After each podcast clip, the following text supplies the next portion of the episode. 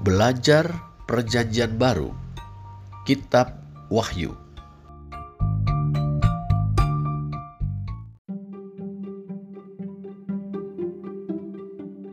Sastra Apokaliptik.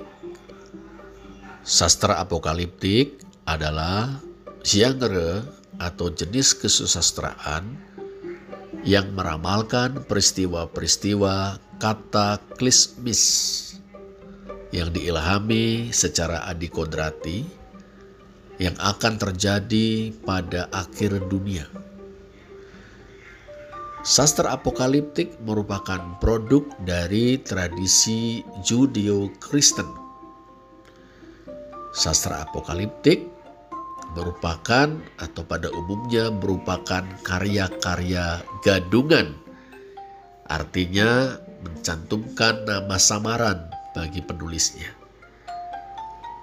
Sastra apokaliptik membentuk atau mengambil bentuk naratif menggunakan bahasa esoteris, mengekspresikan pandangan yang pesimistis tentang masa kini, dan membayangkan peristiwa-peristiwa terakhir akan segera terjadi.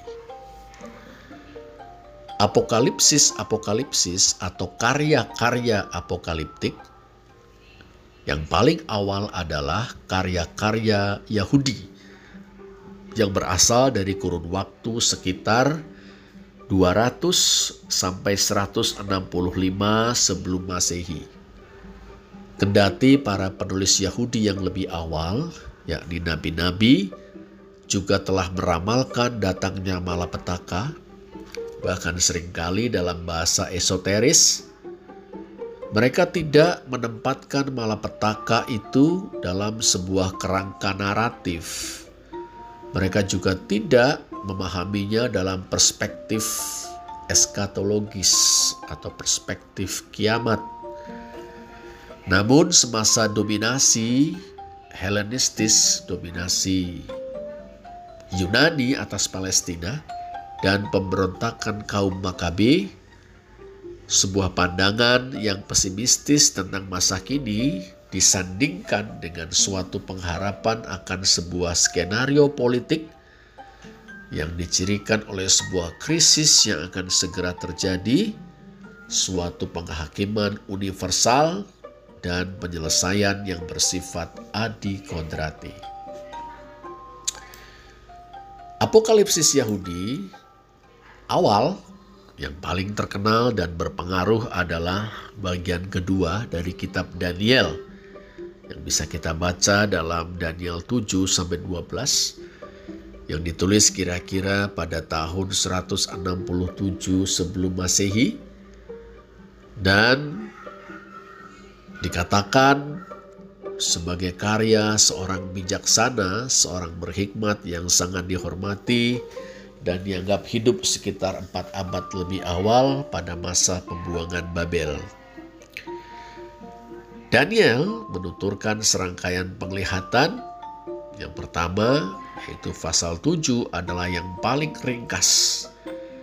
Ia melihat suksesi empat monster yang sangat dahsyat mengerikan dan dengan jelas merepresentasikan sebuah suksesi para penganiaya duniawi yang memuncak dalam sosok tiran Yunani atau Helenistik sejaman yaitu Antiochus IV Epiphanes yang disebut sebagai tanduk ke-11 dari binatang yang keempat. Daniel kemudian melihat pembinasaan binatang yang terakhir atau monster yang terakhir oleh Allah yang disebutnya yang lanjut usianya dan kedatangan seorang seperti anak manusia yang kepadanya diberikan kekuasaan yang kekal yang tidak akan lenyap dan kerajaannya akan dihuni oleh orang-orang kudus yang akan melayani dan menaatinya. Daniel 7 ayat 13 14. Apokalipsis-apokalipsis Yahudi lainnya yaitu kitab 1 Henoh kurang lebih 200 tahun sebelum Masehi. Kitab 4 Ezra sekitar 100 Masehi, Dan kitab 2 dan 3 Baruh kurang lebih 100 Masehi bersifat apokrif tidak tercakup dalam kanon Alkitab Ibrani. Tulisan-tulisan ini masih ada dalam terjemahan Etiopik, Syriak, Yunani, dan Latin yang dibuat oleh orang Kristen. Kita tidak memiliki versi Ibrani atau Aramaiknya. Alasan mengapa apokalipsis-apokalipsis itu bertahan dengan cara demikian nampaknya setelah kegagalan serangkaian pemberontakan Yahudi melawan kekaisaran Romawi yakni setelah tahun 135 Masehi para rabi yang memulai proses kodifikasi tradisi Yahudi berpaling dari apokaliptisisme kepada suatu penekanan yang menjunjung dan menafsirkan hukum-hukum dari Pentateuk. Di lain pihak, sementara itu apokaliptisisme Yahudi berkembang diambil alih oleh orang Kristen.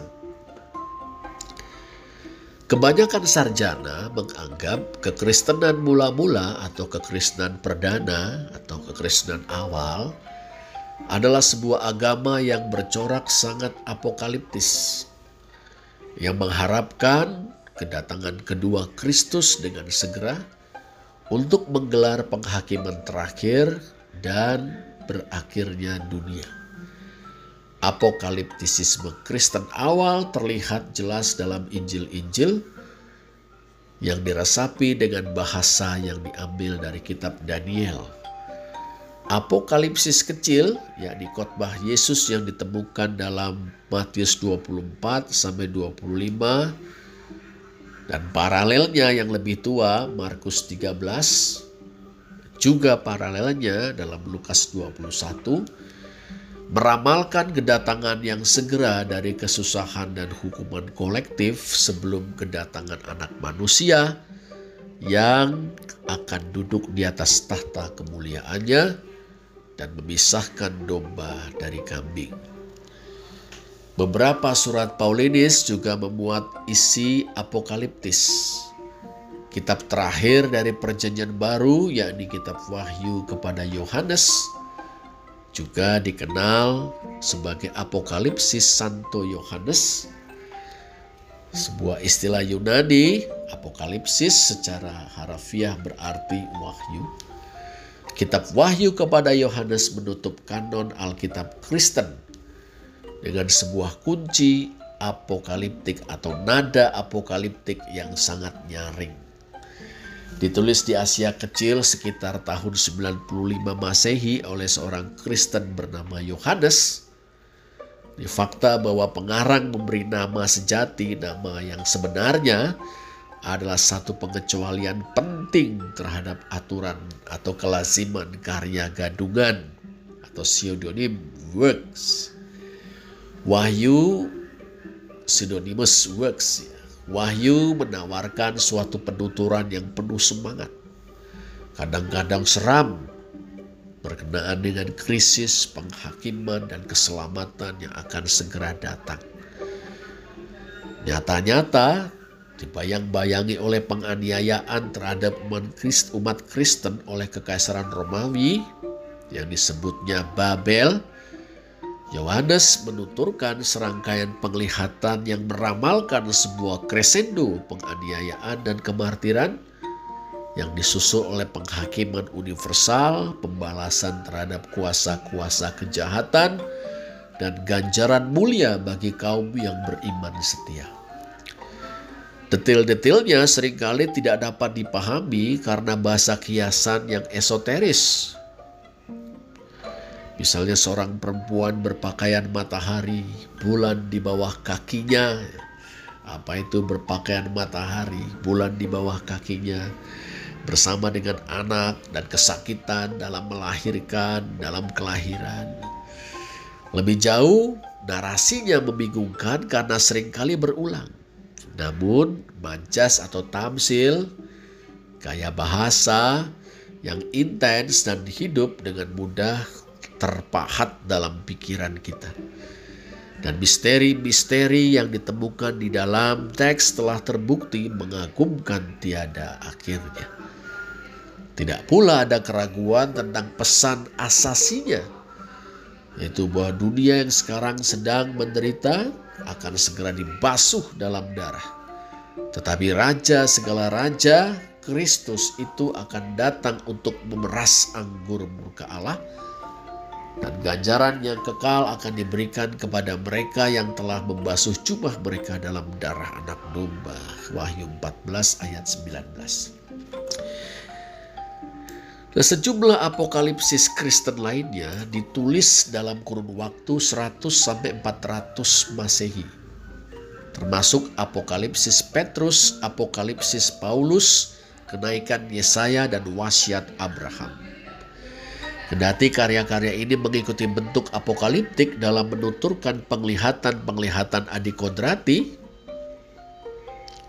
tetap menggunakan nama gadungan, nama samaran, bahasa esoterik, dan mereka merujuk pada keselamatan individual dan kekurangan isi yang khas apokaliptik yang menggarap sejarah kolektif dan keselamatan kolektif. Kecenderungan untuk berkonsentrasi pada keselamatan individual diperkuat dalam teologi bapak-bapak gereja yang terbuka, terutama Santo Agustinus. Para bapak gereja bersifat eskatologis sejauh mereka mengimani penghakiman terakhir, tetapi bersikap non-apokaliptis dalam hal mereka menekankan waktu dari tindakan terakhir atas sejarah sama sekali tidak pasti waktu dari tindakan terakhir atas sejarah menurut para bapak gereja sama sekali tidak pasti. Namun kepercayaan-kepercayaan yang diwarisi dari kitab Daniel dan perjanjian baru memungkinkan bertahannya pemikiran apokaliptik di abad pertengahan dan mengakibatkan terciptanya karya-karya apokaliptik yang baru seperti Wahyu-Wahyu Metodius Gandungan, Revelation of Pseudo Methodius pertengahan abad ke-7 dan penglihatan-penglihatan Bruder Yohanes The Visions of Brother John akhir abad ke-13. Banyak pengarang abad pertengahan juga menulis nubuat-nubuat dengan nama gandungan yang tidak mengambil bentuk penglihatan-penglihatan naratif, tapi meramalkan krisis penghakiman dan keselamatan yang akan segera datang.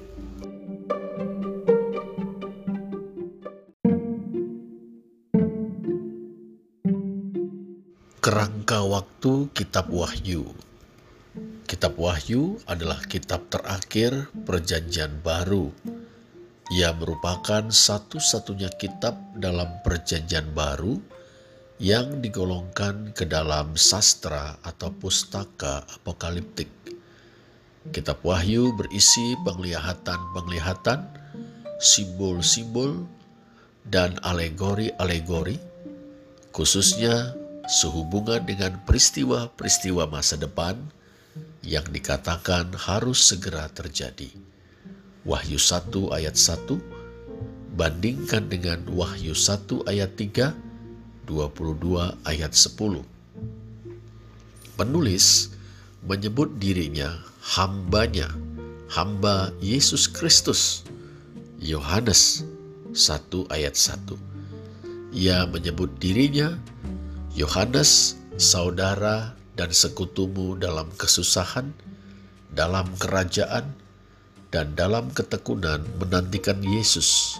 1 ayat 9. Tapi kita tidak tahu apakah Yohanes ini adalah Rasul Yohanes. Dalam Wahyu 2 dan 3 kita menjumpai nasihat-nasihat yang disampaikan melalui surat-surat yang ditujukan kepada tujuh jemaat Kristen di Asia Kecil. Dalam Wahyu 4 sampai 22 ayat 5, kita berjumpa dengan berbagai penglihatan, simbol, dan alegori yang kebanyakan tidak dijelaskan artinya oleh penulis. para penafsir atau ekseget karenanya berbeda pendapat. Namun, banyak sarjana sepakat bahwa kitab Wahyu bukan sekedar alegori rohani atau spiritual yang abstrak yang terlepas dari peristiwa-peristiwa historis. Kitab Wahyu bukan pula sekadar suatu nubuatan tentang pergolakan final pada akhir dunia yang dibalut atau dikemas dengan bahasa yang kabur. Kitab Wahyu bergelut dengan sebuah krisis iman kontemporer yang sangat boleh jadi disebabkan oleh penganiayaan yang digelar oleh Kekaisaran Romawi. Orang Kristen dinasihati untuk tetap dalam iman dan berpegang teguh pada pengharapan bahwa pada akhirnya Kristus akan berjaya sepenuhnya atas seteru-seterunya dan seteru-seteru mereka. Karena pandangan macam ini menyajikan persoalan-persoalan mutakhir dalam sebuah konteks eskatologis, maka pesan kitab Wahyu juga relevan bagi generasi-generasi masa depan orang Kristen yang kelak akan mengalami penganiayaan juga. Kemenangan Kristus atas setan atau iblis. Dalam hal ini, ketekunan orang Kristen di hadapan penganiayaan Romawi melambangkan kemenangan-kemenangan serupa atas kejahatan dalam abad-abad yang masih akan datang kelak, serta kemenangan final Kristus dan gerejanya pada akhir zaman. Kristus merupakan sosok sentral dalam kitab Wahyu dalam pada itu, pengarang sangat akrab dengan bahasa dan konsep-konsep Perjanjian Lama, khususnya yang diambil dari kitab Daniel dan kitab Yehezkiel. Ia menggunakan angka tujuh, misalnya, dalam artian simbolik untuk menunjuk pada totalitas atau kesempurnaan. Rujukan-rujukan pada seribu tahun di Wahyu 20 telah membuat sementara orang mengharapkan bahwa kemenangan final atas kejahatan akan datang setelah selesainya kerajaan seribu tahun. Beragam pendekatan dalam memahami kitab Wahyu pada umumnya dapat dikelompokkan ke dalam empat kategori utama. Yang pertama, futuris, kedua, historisis, ketiga preteris, dan keempat idealis. Pendekatan futuris disebut juga atau memandang wahyu sebagai cetak biru tentang akhir zaman. Menurut pendekatan ini, kitab Wahyu memprediksikan atau meramalkan peristiwa-peristiwa yang akan menyertai akhir dunia. Wahyu 1 sampai 3 pada umumnya dianggap merujuk pada peristiwa-peristiwa di zaman penafsir dan bagian selebihnya dari kitab itu adalah tentang masa depan. Sejarah masa kini dianalisis untuk menemukan di dalamnya kunci bahwa akhir zaman sudah dekat atau mulai terjadi. Biasanya ini dilakukan dengan memadukan rujukan-rujukan dari aneka bagian Alkitab untuk membangun sebuah penafsiran atas masa kini. Inilah posisi yang dianut oleh sementara orang di abad-abad pertama gereja dan dihidupkan kembali oleh gerakan-gerakan Adventis dan dispensasionalis pada abad ke-19. Pendekatan atau pandangan historisis Menurut pandangan atau pendekatan ini, Kitab Wahyu adalah peta jalan sejarah dunia. Kitab Wahyu dianggap pada dasarnya berurusan dengan seluruh sejarah umat manusia. Makna simbol-simbol harus ditemukan dalam peristiwa-peristiwa sejarah. Beberapa orang berpandangan bahwa Kitab Wahyu terutama berurusan dengan periode sebelum masa kini. Beberapa penafsir lainnya memandang Kitab Wahyu sebagai penyingkapan masa kini, sedangkan beberapa orang lainnya menekankan masa depan.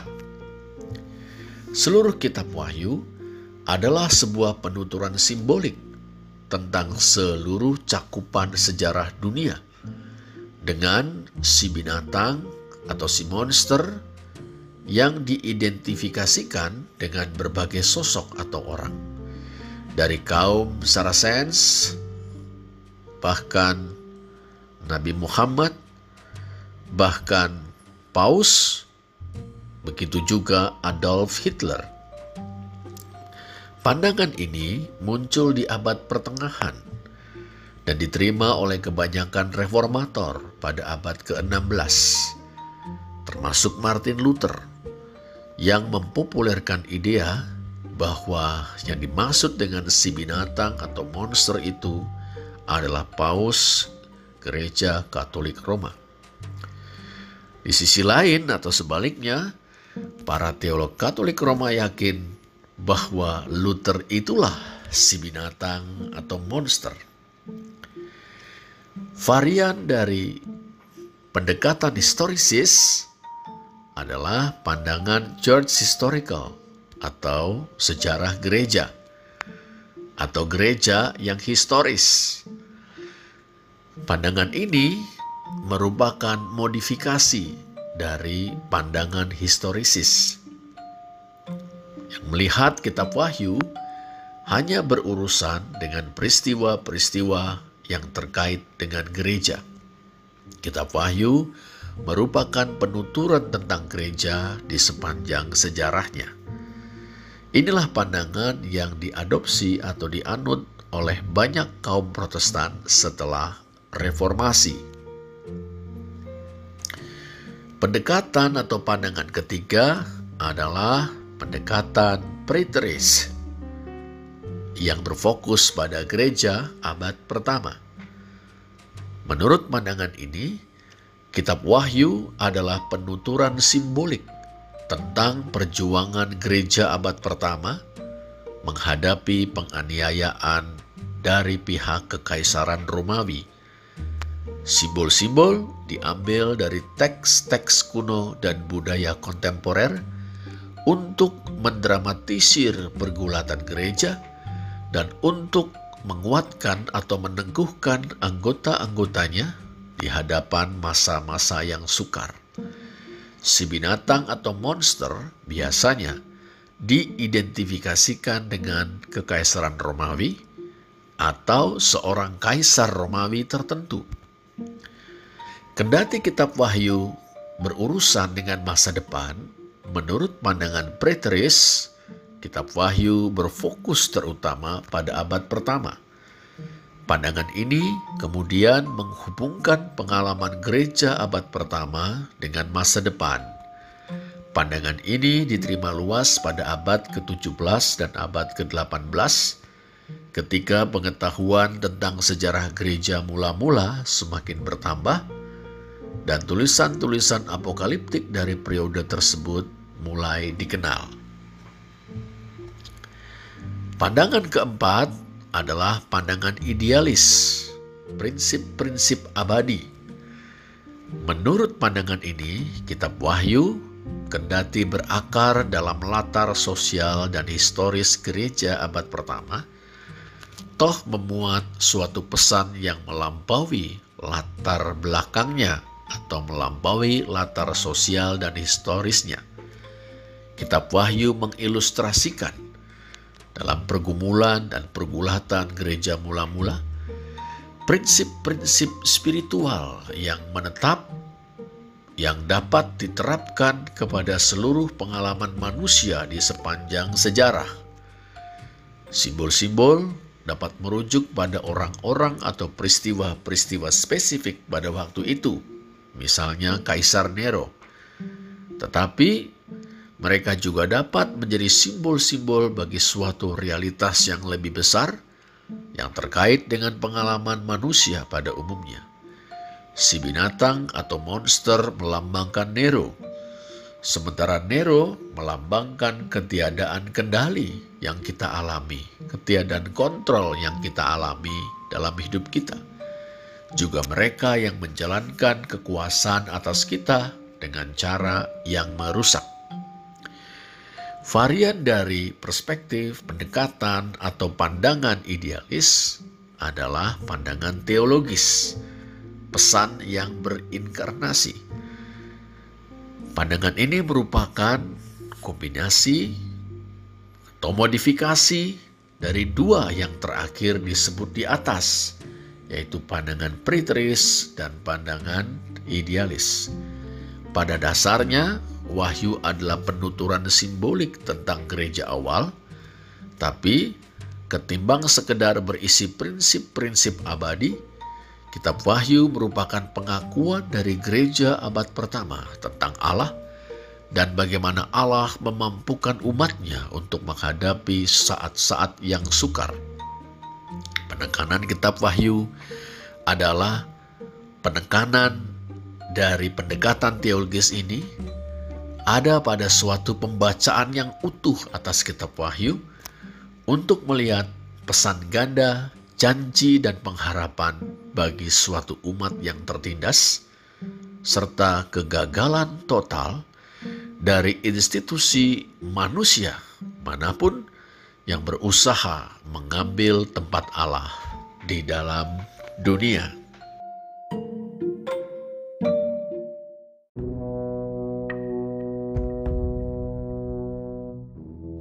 Mengenal beberapa tulisan apokaliptik.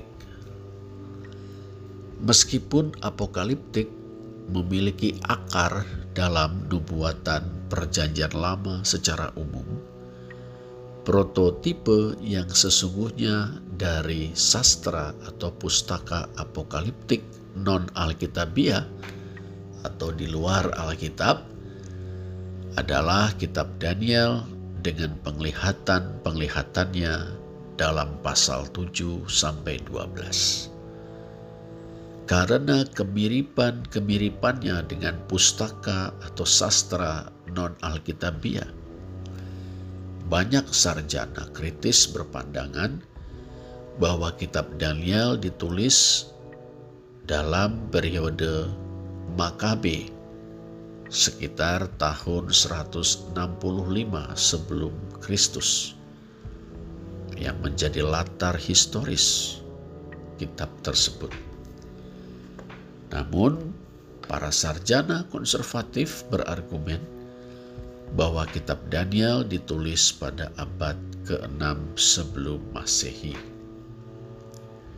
Tapi baik para sarjana kritis maupun sarjana-sarjana konservatif sepakat bahwa kitab Daniel memiliki banyak tanda atau ciri dari apokaliptik. Sekarang kita coba mengenal beberapa tulisan apokaliptik di luar Alkitab kitab Henok atau kitab satu Henok yang juga dikenal sebagai Ethiopic Enoch. Ethiopic Enoch sebab yang masih ada sampai saat ini hanya fragmen-fragmen terjemahan dalam bahasa Ethiopia. Kitab Satu Heno adalah karya gabungan atau sebuah karya yang ditulis secara bertahap yang berasal dari kurun waktu 170 sebelum Kristus dan sesudahnya. Satu Henok berisi penglihatan-penglihatan tentang sejarah dunia dan sejarah Israel. Dari zaman Henoh hingga masa kini, melihat ke depan kepada akhir akhir zaman tentunya yang akan segera terjadi. Sejauh ini, kitab satu Henok adalah karya apokaliptis di luar Alkitab yang paling penting. Bagian kedua dari kitab satu Henok yang disebut sebagai similitudes atau perumpamaan-perumpamaan membicarakan saat-saat penghakiman atas dunia. Sembari memberikan jaminan kepada orang benar sehubungan dengan kepastian pengharapan mesianis. Mesias disebut dengan gelar anak manusia. Bagian kelima dari kitab satu Henok berisi antara lain sebuah apokalipsis tentang pekan-pekan. Maksudnya sejarah dibagi ke dalam sepuluh pekan yakni periode-periode yang berbeda-beda panjangnya yang masing-masing ditandai oleh suatu peristiwa penting yang biasanya mengarah kepada akhir zaman. Tujuh terbilang dalam masa lalu dan tiga lainnya belum datang. Tujuh pekan sudah berlalu, tiga pekan lainnya belum datang. Kendati ada suatu pertanyaan tentang waktu terakhir dari peredaksian kitab ini yang boleh jadi dikerjakan oleh seorang penulis Kristen, kitab satu Henoh memberikan terang yang bernilai tentang teologi Yahudi pra-Kristen itu kitab satu Henok. Ada juga The Book of Jubilees atau kitab Yobel-Yobel yang berasal dari kurun waktu sekitar tahun 150 sebelum Kristus. Kitab Yobel-Yobel secara ketat memang bukan sebuah kitab apokaliptik. Tapi kitab ini terbilang dalam lingkungan yang sama dan berisi ciri-ciri apokaliptik yang jelas. Nama kitab ini, The Book of Jubilees atau Kitab Yobel-Yobel, berasal dari metode yang tersaji di dalam kitab ini. Metode membagi sejarah ke dalam periode-periode Yobel Masing-masing periode Yobel berlangsung selama 49 tahun. Masing-masing Yobel dibagi lagi ke dalam tujuh pekan tahun. Tujuh pekan tahun atau tujuh minggu tahun. Perjalanan sejarah akan bermuara pada kerajaan Mesianis yang akan datang sebagai hasil dari perkembangan spiritual yang berangsur-angsur dari umat manusia serta transformasi atas alam yang bersesuaian dengan itu. Dalam zaman ini, kekuatan-kekuatan kejahatan akan dikekang atau dibatasi, dan manusia akan hidup sampai berumur seribu tahun. Itu kitab Yobel-Yobel atau The Book of Jubilees. Ada juga kitab yang dikenal sebagai atau dengan judul Sibyllin Oracles, ya Oracles atau orakel-orakel Sibyl. Nah, kitab ini berasal dari kurun waktu sekitar 150 tahun sebelum Kristus tetapi mengalami perkembangan, penambahan, peredaksian ulang sehingga ada bagian-bagiannya yang memiliki asal muasal Kristen. Tapi memang kitab ini berisi pula sejumlah dokumen yang berasal muasal Yahudi. Ditulis dalam bahasa Yunani oleh para apologet atau pembela iman Yahudi berlatar belakang Helenis yang berupaya meniru orakel-orakel pagan atau orakel-orakel kafir, ucapan-ucapan ilahi pagan, berupa kata-kata yang ditaruh di dalam mulut seorang perempuan nabiah atau sibil yang diidentifikasikan sebagai menantu perempuan Nuh yang seolah-olah meramalkan perjalanan sejarah dunia dan kedatangan zaman mesianis dengan perdamaian dan kemakmurannya. Itu kitab Sibyllin Oracles. Ada juga kitab The Testaments of the Twelve Patriarchs. The Testaments of the Twelve Patriarchs atau wasiat 12 bapak leluhur yang berasal dari kurun waktu tahun 140 sebelum Kristus yang kemudian memang mengalami peredaksian dari orang Kristen di kemudian hari. Wasiat 12 bapak leluhur ini terdiri dari perkataan-perkataan terakhir dan wasiat-wasiat dari kedua belas putra Yakub kepada anak-anak mereka. Setiap wasiat berisi tiga unsur. Pertama, penuturan tentang peristiwa-peristiwa penting dalam kehidupan sang bapak leluhur. Kedua, suatu nasihat yang didasarkan pada peristiwa-peristiwa itu Ketiga, sebuah ramalan tentang apa yang akan terjadi pada hari terakhir atau akhir zaman. Unsur apokaliptiknya tidak terlalu menonjol, tapi penekanan diletakkan pada nasihat etis. Karya ini penting karena mengasosiasikan pengharapan mesianis dengan Lewi dan dengan Daud. Itu kitab wasiat 12 Bapak leluhur atau The Testaments of the Twelve Patriarchs.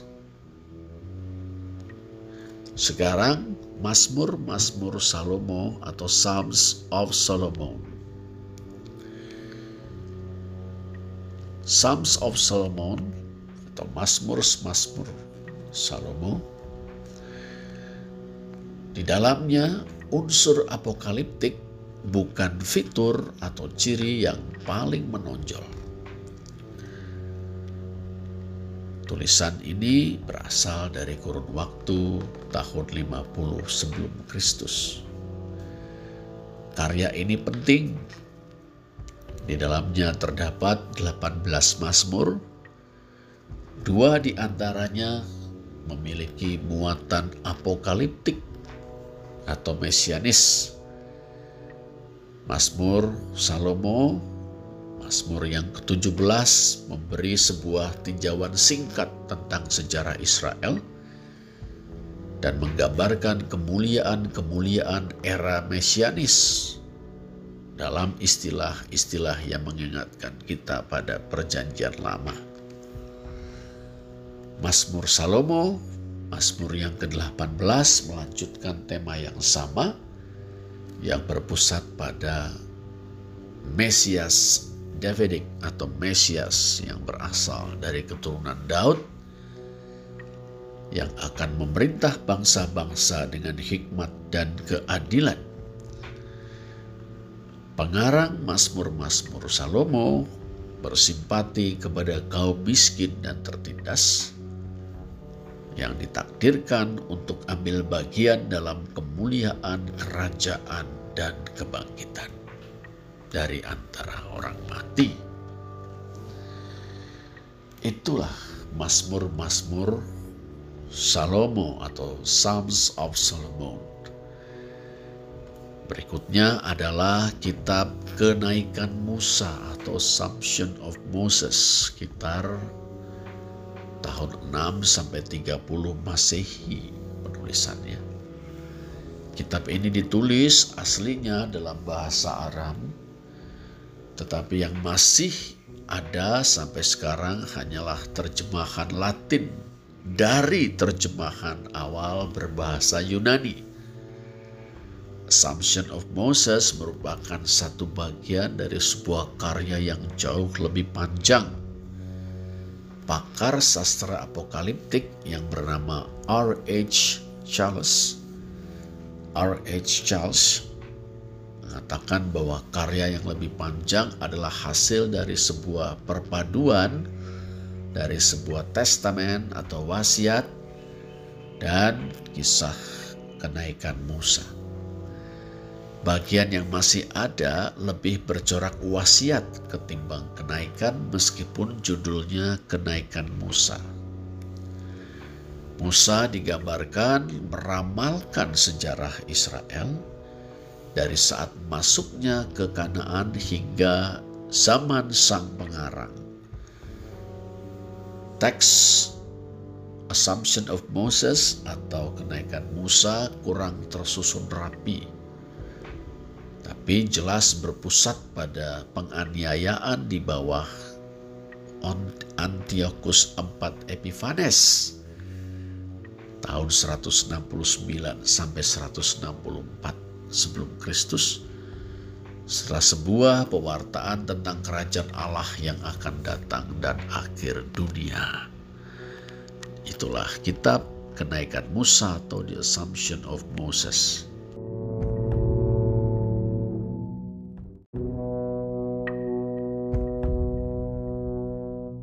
Selanjutnya adalah kitab kisah kemartiran Nabi Yesaya atau The Martyrdom of Isaiah, The Martyrdom of Isaiah. Yang berasal dari paruh pertama abad pertama Masehi. Kitab kemartiran Yesaya hanya ada saat ini dalam terjemahan-terjemahan Etiopik berbahasa Ethiopia, Latin sebagian, dan Slavonik berupa fragmen-fragmen. Kemartiran Yesaya membentuk bagian dari sebuah karya yang dikenal sebagai kenaikan Yesaya atau Ascension of Isaiah. Ascension of Isaiah. Karya ini berisi sebuah ramalan tentang kematian sang nabi dengan cara digergaji menjadi dua. Kita teringat Ibrani 11 ayat 37. Bagian selebihnya dari kitab Ascension of Isaiah lebih bercorak apokaliptik, tapi sangat boleh jadi berasal dari suatu kurun waktu yang belakangan dan memiliki karakter Kristen. Kitab Dua Henok berasal dari abad pertama Masehi. Kitab Dua Henok dikenal juga dengan sebutan Kitab Rahasia-Rahasia Henok atau Kitab Henok berbahasa Slavonik. Sangat mungkin kitab ini merupakan karya seorang Yahudi Helenis yang tinggal di Alexandria meski memang ada bukti pengaruh Kristen di dalam kitab ini. Bagian pertama kitab dua Henoh terdiri dari penglihatan Henoh tentang tujuh langit dan perjalanan melintasinya. serta sebuah pewahyuan tentang sejarah keselamatan dari sejak dimulainya waktu hingga zaman Henoch dan terus ke zaman air bah. Ini diikuti oleh zaman yang sekarang yang akan berlangsung selama tujuh milenia dan akan dibawa hingga akhirnya oleh penghakiman terakhir Bagian terakhir kitab ini berisi nasihat-nasihat moral kepada putra-putra Henok agar mereka mengarahkan hidup mereka dengan benar. Bagian yang belakangan ini bersama dengan bagian-bagian wasiat 12 bapak leluhur memiliki etika apokaliptik yang tinggi. Berikutnya adalah kitab kehidupan Adam dan Hawa atau The Life of Adam and Eve yang berasal dari kurun waktu sebelum tahun 70 Masehi. Yang disebut juga kitab Apokalipsis Musa. Apokalipsis Musa. Ini merupakan sebuah karya Yahudi Tulisan ini berupaya melengkapi catatan Alkitabiah tentang kehidupan Adam dan Hawa. Unsur apokaliptiknya kecil tapi penting dan terdiri dari sebuah penglihatan singkat yang diberikan Allah kepada Adam tentang pemberian Taurat, pembangunan bait suci, penghancuran, pembuangan dan kepulangan serta pembangunan kembali bait Allah atau bait suci itu yang akan diikuti dengan suatu waktu yang di dalamnya kejahatan akan melampaui kebenaran dan akhirnya dituntaskan diakhiri dengan kedatangan Allah untuk menghakimi orang fasik dan menyelamatkan serta memurnikan orang benar. Itulah kitab kehidupan Adam dan Hawa, The Life of Adam and Eve. Lalu ada Apokalipsis Abraham yang berasal dari abad pertama Masehi yang menuturkan kisah tentang masa muda Abraham serta pertobatannya. Berikut serangannya kepada penyembahan berhala. Kisah ini diikuti oleh kenaikan ke surga, kenaikan Abraham ke surga serta penglihatan tentang peristiwa-peristiwa masa lalu dan masa depan. Pengarah rupanya sangat prihatin dengan problem kejahatan, tapi ia tidak membiarkan ia membiarkannya tidak terpecahkan, membiarkannya sebagai misteri. Lalu ada kitab wasiat Abraham atau The Testament of Abraham berasal dari abad pertama Masehi. Ini mesti atau perlu dibedakan dengan kitab sebelumnya yaitu Apokalipsis Abraham. Kitab ini terdiri dari serangkaian penglihatan atau pengalaman-pengalaman luar biasa Abraham tidak lama sebelum kematiannya Abraham dikunjungi oleh malaikat Mikael, dibawa ke surga, diberi gambaran sekilas tentang penghakiman terakhir atas jiwa-jiwa manusia, dan berbagai perjumpaan dengan kematian dalam bentuk sosok malaikat yang bersinar-sinar. Dalam penglihatannya tentang dunia dan segala yang diciptakan, Abraham diberitahu bahwa sejarah akan berlangsung selama tujuh masa yang masing-masing terdiri dari seribu tahun kita jadi teringat akan kitab dua Henok Nah berbeda dengan tulisan-tulisan apokaliptik lain tidak ada suasana penghakiman yang akan datang dalam wasiat Abraham. Perhatian utama ada pada nasib masa depan jiwa-jiwa individual. Berikutnya adalah kitab dua Esdras atau Apokalipsis Esra. Dua Esdras atau Apokalipsis Esra. Dalam Vulgata atau terjemahan Alkitab dalam bahasa Latin. Dinamakan kitab empat Esdras. Berasal dari kurun waktu sekitar 90 sampai 100 Masehi. Jadi umurnya kurang lebih sama dengan kitab Wahyu dalam Alkitab. Sangat mungkin kitab ini merupakan sebuah campuran dengan sentuhan Kristen pasal 1 dan 2, 15 dan 16 serta suatu apokalipsis asli Yahudi pasal 3 sampai 14.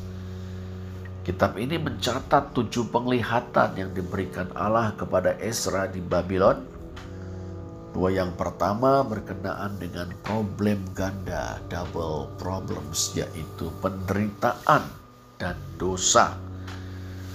Dosa dipandang sebagai yang disebabkan oleh impuls jahat, denyutan jahat, dorongan berbuat jahat dalam diri manusia sebagai akibat dari dosa Adam.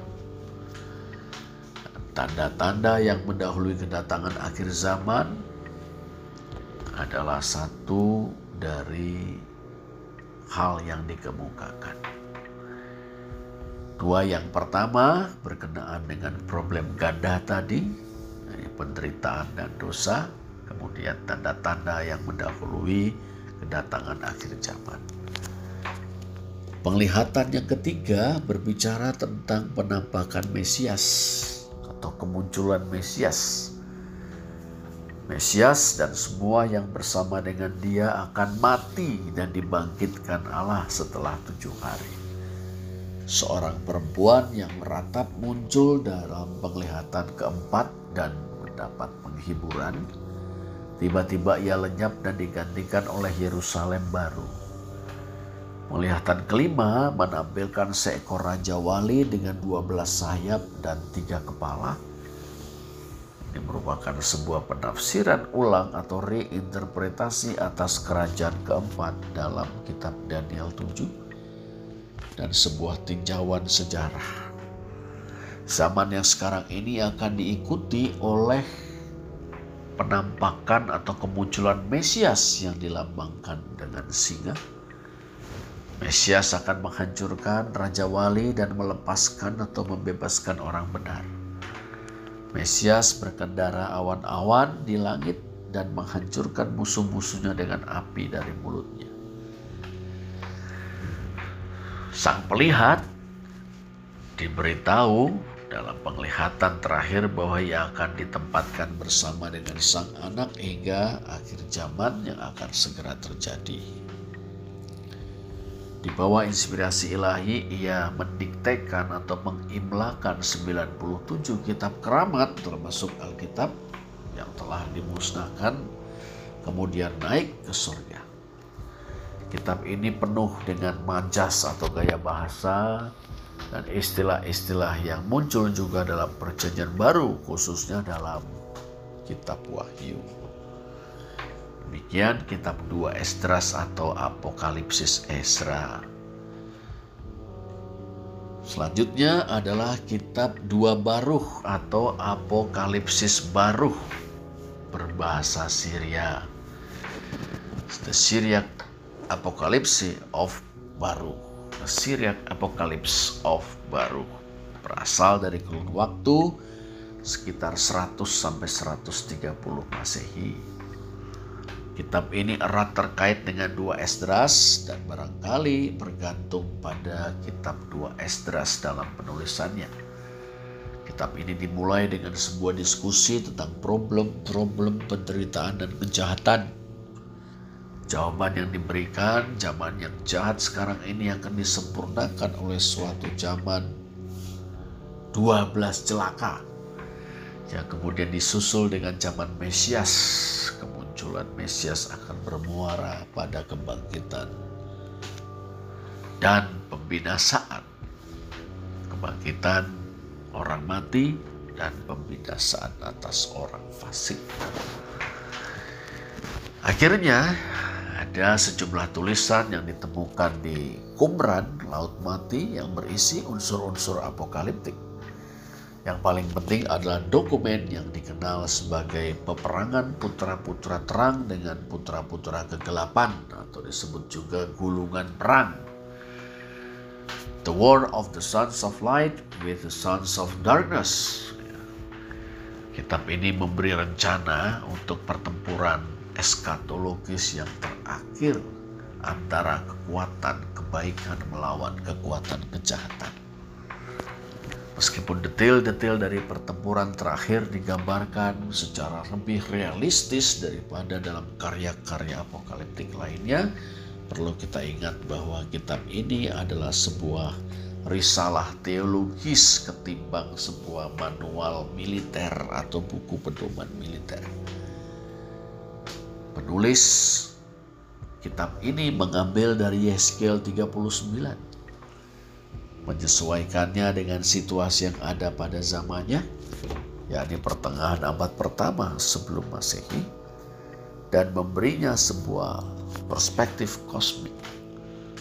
Dokumen-dokumen laut mati lainnya yang mencakup ciri-ciri apokaliptik adalah Genesis Apocryphon, Book of the Mysteries, dan The Description of the New Jerusalem. Nah demikian perkenalan kita dengan sejumlah tulisan apokaliptik.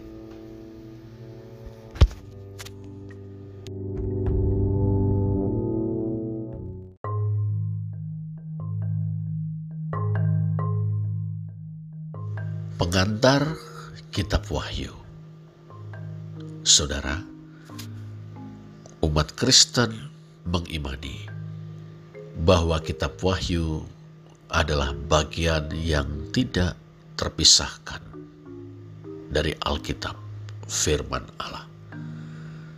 Dinafaskan atau diilhamkan Allah, bandingkan 2 Timotius 3 ayat 16, kitab Wahyu bermanfaat untuk mengajar, menyatakan kesalahan, memperbaiki kelakuan, dan mendidik orang dalam kebenaran bersama-sama dengan segenap kitab suci.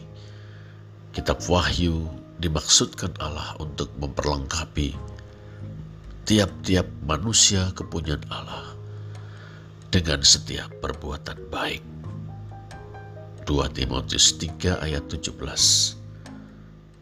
yang tidak lain merupakan tujuan keselamatan kita. Efesus 2 ayat 10 akan tetapi, bukankah kitab Wahyu merupakan kitab yang sangat membingungkan? Penuh dengan gambaran-gambaran yang serba dahsyat, angka-angka yang mengandung arti-arti yang rahasia, simbol-simbol yang penuh teka-teki. Segelintir orang memperlakukan kitab Wahyu sebagai kitab ramalan yang isinya dapat dicocokkan dengan peristiwa-peristiwa mutakhir dan digunakan untuk meramalkan peristiwa-peristiwa apa saja yang akan terjadi bersama dengan bagian-bagian nubuatan lainnya dalam kitab suci. Segelintir orang menganggapnya sebagai impian dari seseorang yang mencita-citakan masa depan yang lebih baik bagi gereja Segelintir orang lainnya menganggap kitab Wahyu sebagai cara bertutur yang unik, syarat dengan perlambang tentang hal-hal yang telah terjadi, sembari mengajak pembaca meyakini kemenangan gereja. Pendekatan-pendekatan tersebut tentu ada nilai positifnya. Setidaknya menarik perhatian kita kepada kitab Wahyu. Namun, kita perlu merasa berkeberatan apabila pendekatan-pendekatan itu justru menjauhkan kita dari maksud yang sesungguhnya dari kitab ini, yang tidak bisa tidak merupakan perpaduan harmonis maksud pengarang insaninya, Yohanes, dan pengarang ilahinya, yakni Allah. Serta keterhubungan dengan latar belakang kelahirannya. Berikut pesan Alkitab secara menyeluruh. Saya menulis pengantar singkat ini dengan menggunakan pendekatan yang khas reformatoris, yakni pendekatan secara historis dan gramatikal. Historical Grammatical Method of Interpretation dengan menaruh perhatian khusus pada struktur kitab wahyu yang tersusun sedemikian rupa untuk menyampaikan amanat teologis yang sangat kuat. Sudah luas diakui bahwa kitab wahyu terbilang dalam jenis sastra apokaliptik yang membanjiri dunia Yahudi Kristen dalam kurun waktu kurang lebih tiga abad pertengahan abad kedua sebelum masehi sampai dengan awal abad kedua masehi. Jadi sastra ini menaruh keprihatinan yang mendalam terhadap kerusakan moral dunia pada masanya dan penderitaan umat Allah yang sejati. Sastra apokaliptik menaruh pengharapan pada tindakan final Allah yang mengakhiri dunia. Dan dengan demikian pula segala keingkaran, keangkaraan, dan kemurkaannya. Serta menciptakan tatanan yang baru yang akan dinikmati oleh umatnya yang sejati. Keprihatinan dan harapan itu disajikan dalam tuturan yang syarat dengan simbol yang tidak sedikit merupakan pengaktualisasian dari gambaran-gambaran yang diambil dari perjanjian lama dan tidak jarang dikaitkan dengan orang-orang kudus pada zaman silam. Saya setuju bahwa kitab Wahyu tergolong dalam genre apokaliptik. Pendekatan sejarah dan tata bahasa pun diperlengkapi dengan pemahaman akan jenis sastra, seraya melacak alam pikiran yang melahirkannya. Akan tetapi segera pula akan kita temukan keunikan kitab Wahyu bukan sekedar apokaliptik, tapi juga profetis. Dan dengan demikian memaknai sejarah umat Allah sebagai eklesia militans umat Allah yang sedang berjuang. Tinjauan umum Pertama, apakah tujuan kitab Wahyu? Kitab Wahyu bertujuan memberikan penghiburan kepada gereja yang sedang berjuang dalam pergulatannya melawan kekuatan-kekuatan jahat. Simaklah hal-hal berikut yang bisa kita temukan dalam kitab Wahyu. Pernyataan-pernyataan, gambaran-gambaran dan penegasan-penegasan. Allah melihat air mata mereka kaum beriman sejati yang menderita dalam perjuangannya. Wahyu 7 ayat 17, 21 ayat 4. Doa-doa mereka memerintah dunia. Wahyu 8 ayat 3 sampai 4. Kematian mereka berharga di mata Allah. Jiwa mereka segera naik ke surga. Wahyu 14 ayat 13 dan 20 ayat 4. Kemenangan akhir mereka sudah dijamin oleh Allah. Wahyu 15 ayat 2. Darah mereka akan dibalaskan. Wahyu 6 ayat 9, 8 ayat 3. Kristus mereka hidup dan memerintah dunia demi gerejanya. Wahyu 5 ayat 7 dan 8. Dan Kristus bersama-sama dengan mereka. Wahyu 1 ayat 12 sampai 20. Kedua, apakah tema kitab Wahyu? Tema kitab Wahyu adalah kemenangan Kristus dan gerejanya atas naga alias setan dan kaki tangannya. Perhatikanlah Wahyu 17 ayat 14 mereka akan berperang melawan anak domba, tetapi anak domba akan mengalahkan mereka. Karena dialah Tuhan di atas segala Tuhan dan Raja di atas segala Raja. Mereka yang bersama-sama dengan dia juga akan menang, yaitu mereka yang terpanggil, yang telah dipilih, dan yang setia. Seluruh nubuatan kitab Wahyu menggambarkan Kristus sebagai sang pemenang, sang penakluk.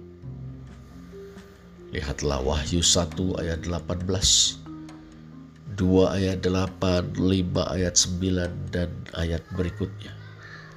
6 ayat 2, 11 ayat 15, 12 ayat 9 dan ayat berikutnya.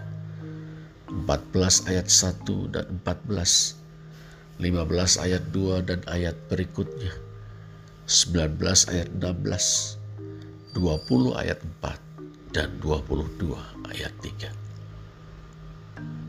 Kristus menang. Demikian pula dengan umatnya atau gerejanya. Perhatikanlah mereka membasuh jubah mereka dan membuatnya putih dalam darah anak domba Wahyu 7 ayat 14, 22 ayat 14. Mereka keluar dari kesusahan yang besar. Wahyu 7 ayat 14. Mereka dibunuh namun bangkit. Wahyu 11 ayat 11. Mereka dianiaya oleh naga dan kaki tangannya. Namun pada akhirnya mereka keluar sebagai pemenang.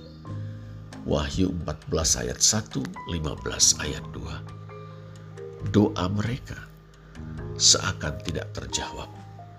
Tetapi penghakiman Allah atas dunia menjawab doa mereka.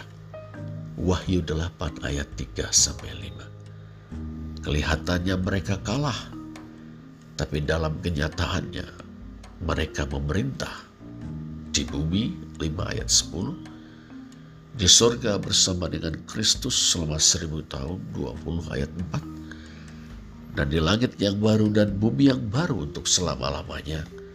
22 ayat 5. Ada juga digambarkan nasib para pemenang palsu, para pemenang gadungan. Nasib naga 12 ayat 3. Si binatang buas yang keluar dari dalam laut 13 ayat 1. Si nabi palsu atau binatang yang keluar dari dalam bumi 13 ayat 11 dan Babel 14 ayat 8. Mereka muncul tapi mereka semua berakhir dengan kekalahan kebinasaan. Babel lihat 18 ayat 2. Kekalahan si binatang buas dan si nabi palsu Lihat 19 ayat 20 dan kekalahan naga atau iblis alias setan 20 ayat 10. Ketiga, kepada siapakah kitab Wahyu ditujukan? Kitab Wahyu pertama-tama ditujukan kepada orang-orang percaya yang hidup pada zaman penulisnya, zaman Yohanes sebagai jawaban Allah atas doa-doa dan air mata orang-orang Kristen itu yang teraniaya dan tersebar di kota-kota di Asia kecil. Kendati demikian, kitab Wahyu juga dimaksudkan bagi segenap gereja, semua orang percaya yang hidup pada masa di antara kedatangan yang pertama dan kedatangan kedua Tuhan Yesus Kristus.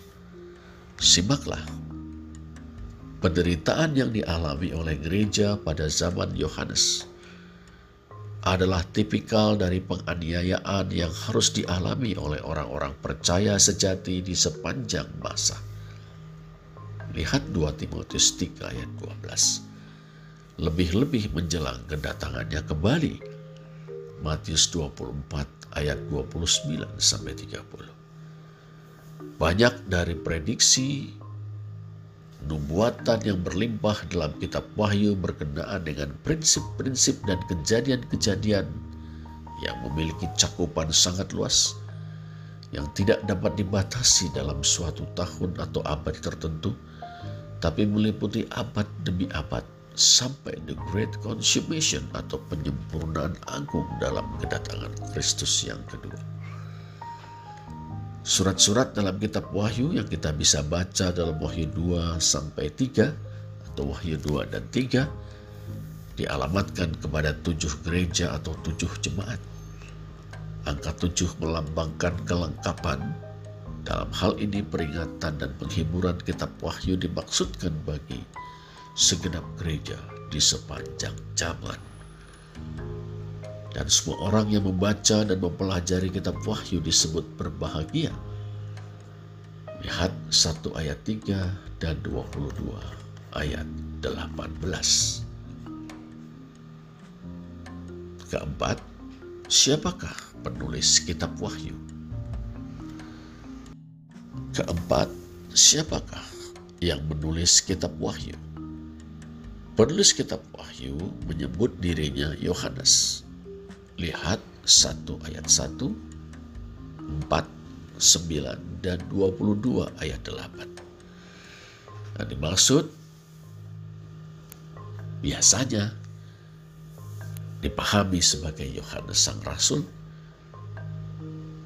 yang menurut tradisi dianggap menulis Injil keempat dan surat-surat Yohanes.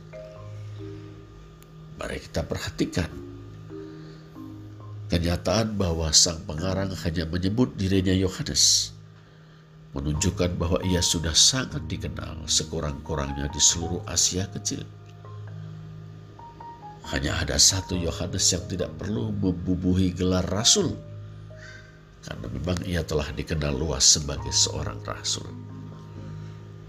Meskipun ada perbedaan dalam tata bahasa, gaya, dan nada kitab Wahyu dengan kitab Injil keempat, toh kita menemukan kemiripan-kemiripan yang mencolok sehubungan dengan susunan-susunan bentukan-bentukan tata bahasa, ungkapan-ungkapan yang khas bahkan ajarannya. Bandingkan Yohanes 7 ayat 37 dengan 22 ayat 17. Bandingkan Yohanes 3 ayat 16 dengan Wahyu 7 ayat 9 22 ayat 17. Bandingkan Yohanes 1 ayat 29, 3 ayat 3, 5 ayat 24, 10 ayat 10 dan 11. Dengan Wahyu 7 ayat 14, 12 ayat 11, 21 ayat 6, dan 22 ayat 17. Bandingkan Yohanes 10 ayat 18 dengan Wahyu 2 ayat 17. Bandingkan Yohanes 20 ayat 12 dengan Wahyu 3 ayat 4. Bandingkan Yohanes 1 ayat 1 dengan Wahyu 19 ayat 13. Bandingkan Yohanes 1 ayat 1 dan ayat berikutnya dengan Wahyu 22 ayat 13 dan bandingkan Yohanes 1 ayat 29 dengan Wahyu 5 ayat 6. Kesaksian bapak-bapak gereja yaitu Justinus Martir sekitar tahun 140 Masehi, Irenaeus 180 Masehi, Kanon Muratori tahun 200 Masehi, Clemens dari Alexandria tahun 200, Tertullianus dari Kartago tahun 220, Origenes dari Alexandria tahun 223, dan Hippolytus tahun 240. Semua mengatakan bahwa Yohanes penulis kitab Wahyu adalah Rasul Yohanes. kelima, kapan kitab Wahyu ditulis? Kitab Wahyu ditulis menjelang berakhirnya pemerintahan Kaisar Domitianus sekitar tahun 95 96 Masehi. Kesaksian Bapak Gereja Irenius menarik. Ia mengatakan karena hal itu yang dimaksud ada penglihatan yang tertulis dalam kitab Wahyu karena hal itu diwahyukan belum lama berselang, tetapi dekat sekali dengan zaman kita kini, menjelang akhir dari pemerintahan Domitianus. Juga, kata Irenius, gereja di Efesus didirikan oleh Paulus. Yohanes tinggal menetap di sana sampai dengan zaman Kaisar Trajan atau Trajanus yang memerintah dalam kurun waktu tahun 98 sampai 117. Yohanes adalah saksi yang dapat dipercaya. Efesus, gereja di Efesus adalah saksi yang dapat dipercaya dari tradisi rasul-rasul. Demikian Bapak Gereja Irenaeus. Sekarang berkenaan dengan pendekatan teologis dan sastra. Pedoman mempelajari kitab Wahyu. Pertama, kitab Wahyu terdiri dari tujuh bagian. Ketujuh bagian itu berjalan paralel atau sejajar. Setiap bagian meliputi seluruh masa yang membentang dari kedatangan pertama Kristus sampai dengan kedatangannya yang kedua tetapi setiap bagian dipandang atau dilihat dari aspek-aspek yang berbeda. Kristus di tengah tujuh kaki dia. Wahyu 1 sampai 3. Kitab dengan tujuh meterai. Wahyu 4 sampai 7. Tujuh sangkakala penghakiman. Wahyu 8 sampai 11 Sang perempuan dan anak bayi dianiaya oleh sang naga dan antek-antek atau kaki tangannya. Wahyu 12 sampai 14. Tujuh cawan murka Allah. Wahyu 15 dan 16. Kejatuhan Babel si pelacur besar beserta binatang-binatang Wahyu 17 sampai 19. Penghakiman atas naga alias setan lalu langit yang baru dan bumi yang baru serta Yerusalem baru. Wahyu 20 sampai 22. Tujuh bagian itu dapat dikelompokkan ke dalam dua bagian besar. Bagian besar pertama Wahyu 1 sampai 11 terdiri dari tiga bagian. Bagian besar kedua yakni Wahyu 12 sampai 22 terdiri dari empat bagian. Dua bagian besar itu menyatakan suatu progres atau gerak maju sehubungan dengan kedalaman atau intensitas konflik rohani.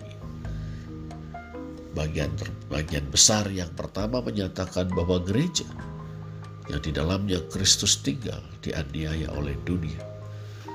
Bagian besar yang kedua menyatakan latar belakang spiritual, latar belakang rohani yang lebih dalam dari pergulatan tersebut, yakni konflik antara Kristus dan naga, yang di dalamnya Kristus dan oleh karena itu juga gerejanya keluar sebagai pemenang. Ada pergulatan di bumi, yaitu gereja dianiaya oleh dunia, gereja dibalaskan, dilindungi dan menang. Wahyu 1 ayat 1 sampai 11 yang terdiri dari Kristus di tengah tujuh kaki dian satu sampai tiga. Kitab dengan tujuh meterai empat sampai tujuh dan tujuh sangkakala penghakiman delapan sampai sebelas. Yang kedua latar belakang spiritual Kristus dan gereja berhadapan dengan naga dan antek-anteknya. Kristus dan gereja keluar sebagai pemenang Wahyu 12 sampai 22 Sang perempuan dan anak bayi dianiaya oleh naga dan kaki tangannya, yakni si pelacur besar dan binatang-binatang. Wahyu 12 sampai 14. Tujuh cawan murka 15 dan 16. Kejatuhan si pelacur besar beserta binatang-binatang 17 sampai 19 dan penghakiman atas naga alias setan lalu langit yang baru dan bumi yang baru juga Yerusalem baru Wahyu 20 sampai 22 Kitab Wahyu merupakan kesatuan yang utuh prinsip-prinsip dari perilaku manusia dan pemerintahan moral ilahi secara progresif dinyatakan. Kaki-kaki Dian mengantisipasi meterai-meterai.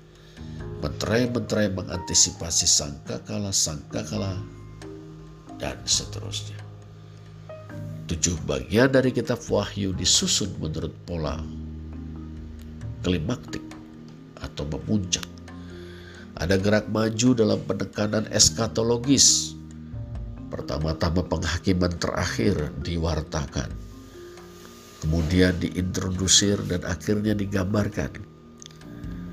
Hal yang serupa, langit yang baru dan bumi yang baru digambarkan dengan lebih penuh dalam bagian yang terakhir daripada di dalam bagian-bagian yang mendahulunya. Susunan kitab Wahyu terdiri dari lukisan-lukisan yang bergerak, Rincian-rincian yang menyangkut lukisan harus ditafsirkan dalam keselarasan dengan pemikiran sentralnya. Kita harus mengajukan dua pertanyaan. Pertama, apakah lukisan keseluruhannya? Dan kedua, apakah gagasan utamanya? Meterai-meterai, sanggakala-sanggakala, cawan-cawan murka, dan lambang-lambang yang serupa tidak merujuk pada peristiwa-peristiwa yang khusus atau kejadian-kejadian tertentu atau rincian-rincian sejarah. Tapi pada prinsip-prinsip tentang perilaku manusia dan pemerintahan ilahi yang bekerja di seluruh sejarah dunia, khususnya di sepanjang periode yang baru. Kitab Wahyu berakar dalam peristiwa-peristiwa dan lingkungan-lingkungan kontemporer Lambang-lambangnya harus ditafsirkan dalam terang kondisi-kondisi yang berlaku manakala kitab itu ditulis. Kitab Wahyu berakar dalam kitab suci karena itu kitab suci harus karena itu kitab Wahyu ini harus ditafsirkan dalam keselarasan dengan seluruh kitab suci atau Alkitab. Dan kitab suci kitab Wahyu berakar dalam pikiran dan pewahyuan Allah. Pengarang sejati kitab Wahyu adalah Allah dalam Kristus. Karena itu kitab ini berisikan tujuan-tujuan Allah sehubungan dengan sejarah gereja. Nah saudara dengan observasi dan pedoman ini, marilah kita meneliti kitab Wahyu dengan memohon kepada Allah. Singkapkanlah mataku agar aku memandang keajaiban dari firman-Mu. Mazmur 119 ayat 18. Amin.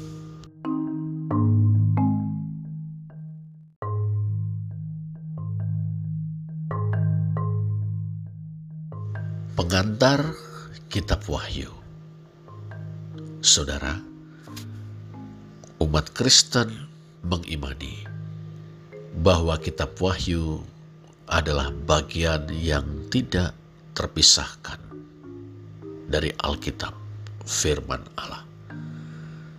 Dinafaskan atau diilhamkan Allah, bandingkan 2 Timotius 3 ayat 16, kitab Wahyu bermanfaat untuk mengajar, menyatakan kesalahan, memperbaiki kelakuan, dan mendidik orang dalam kebenaran.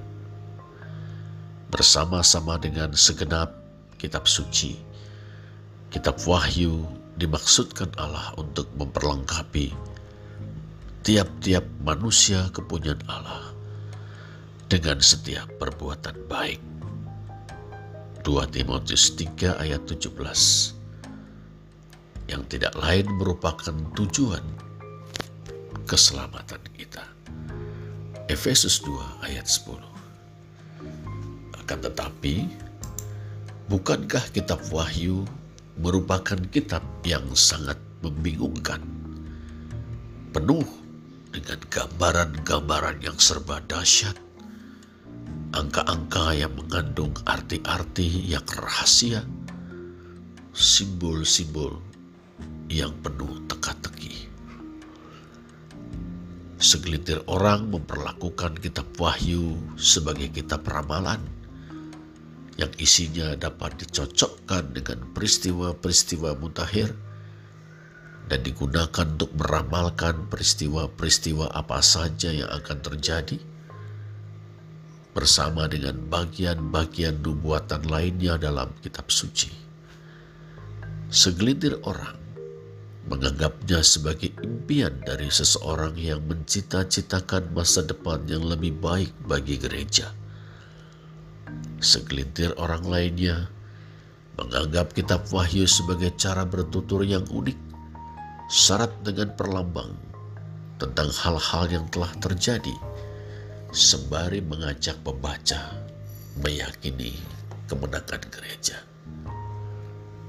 Pendekatan-pendekatan tersebut tentu ada nilai positifnya. Setidaknya menarik perhatian kita kepada kitab Wahyu.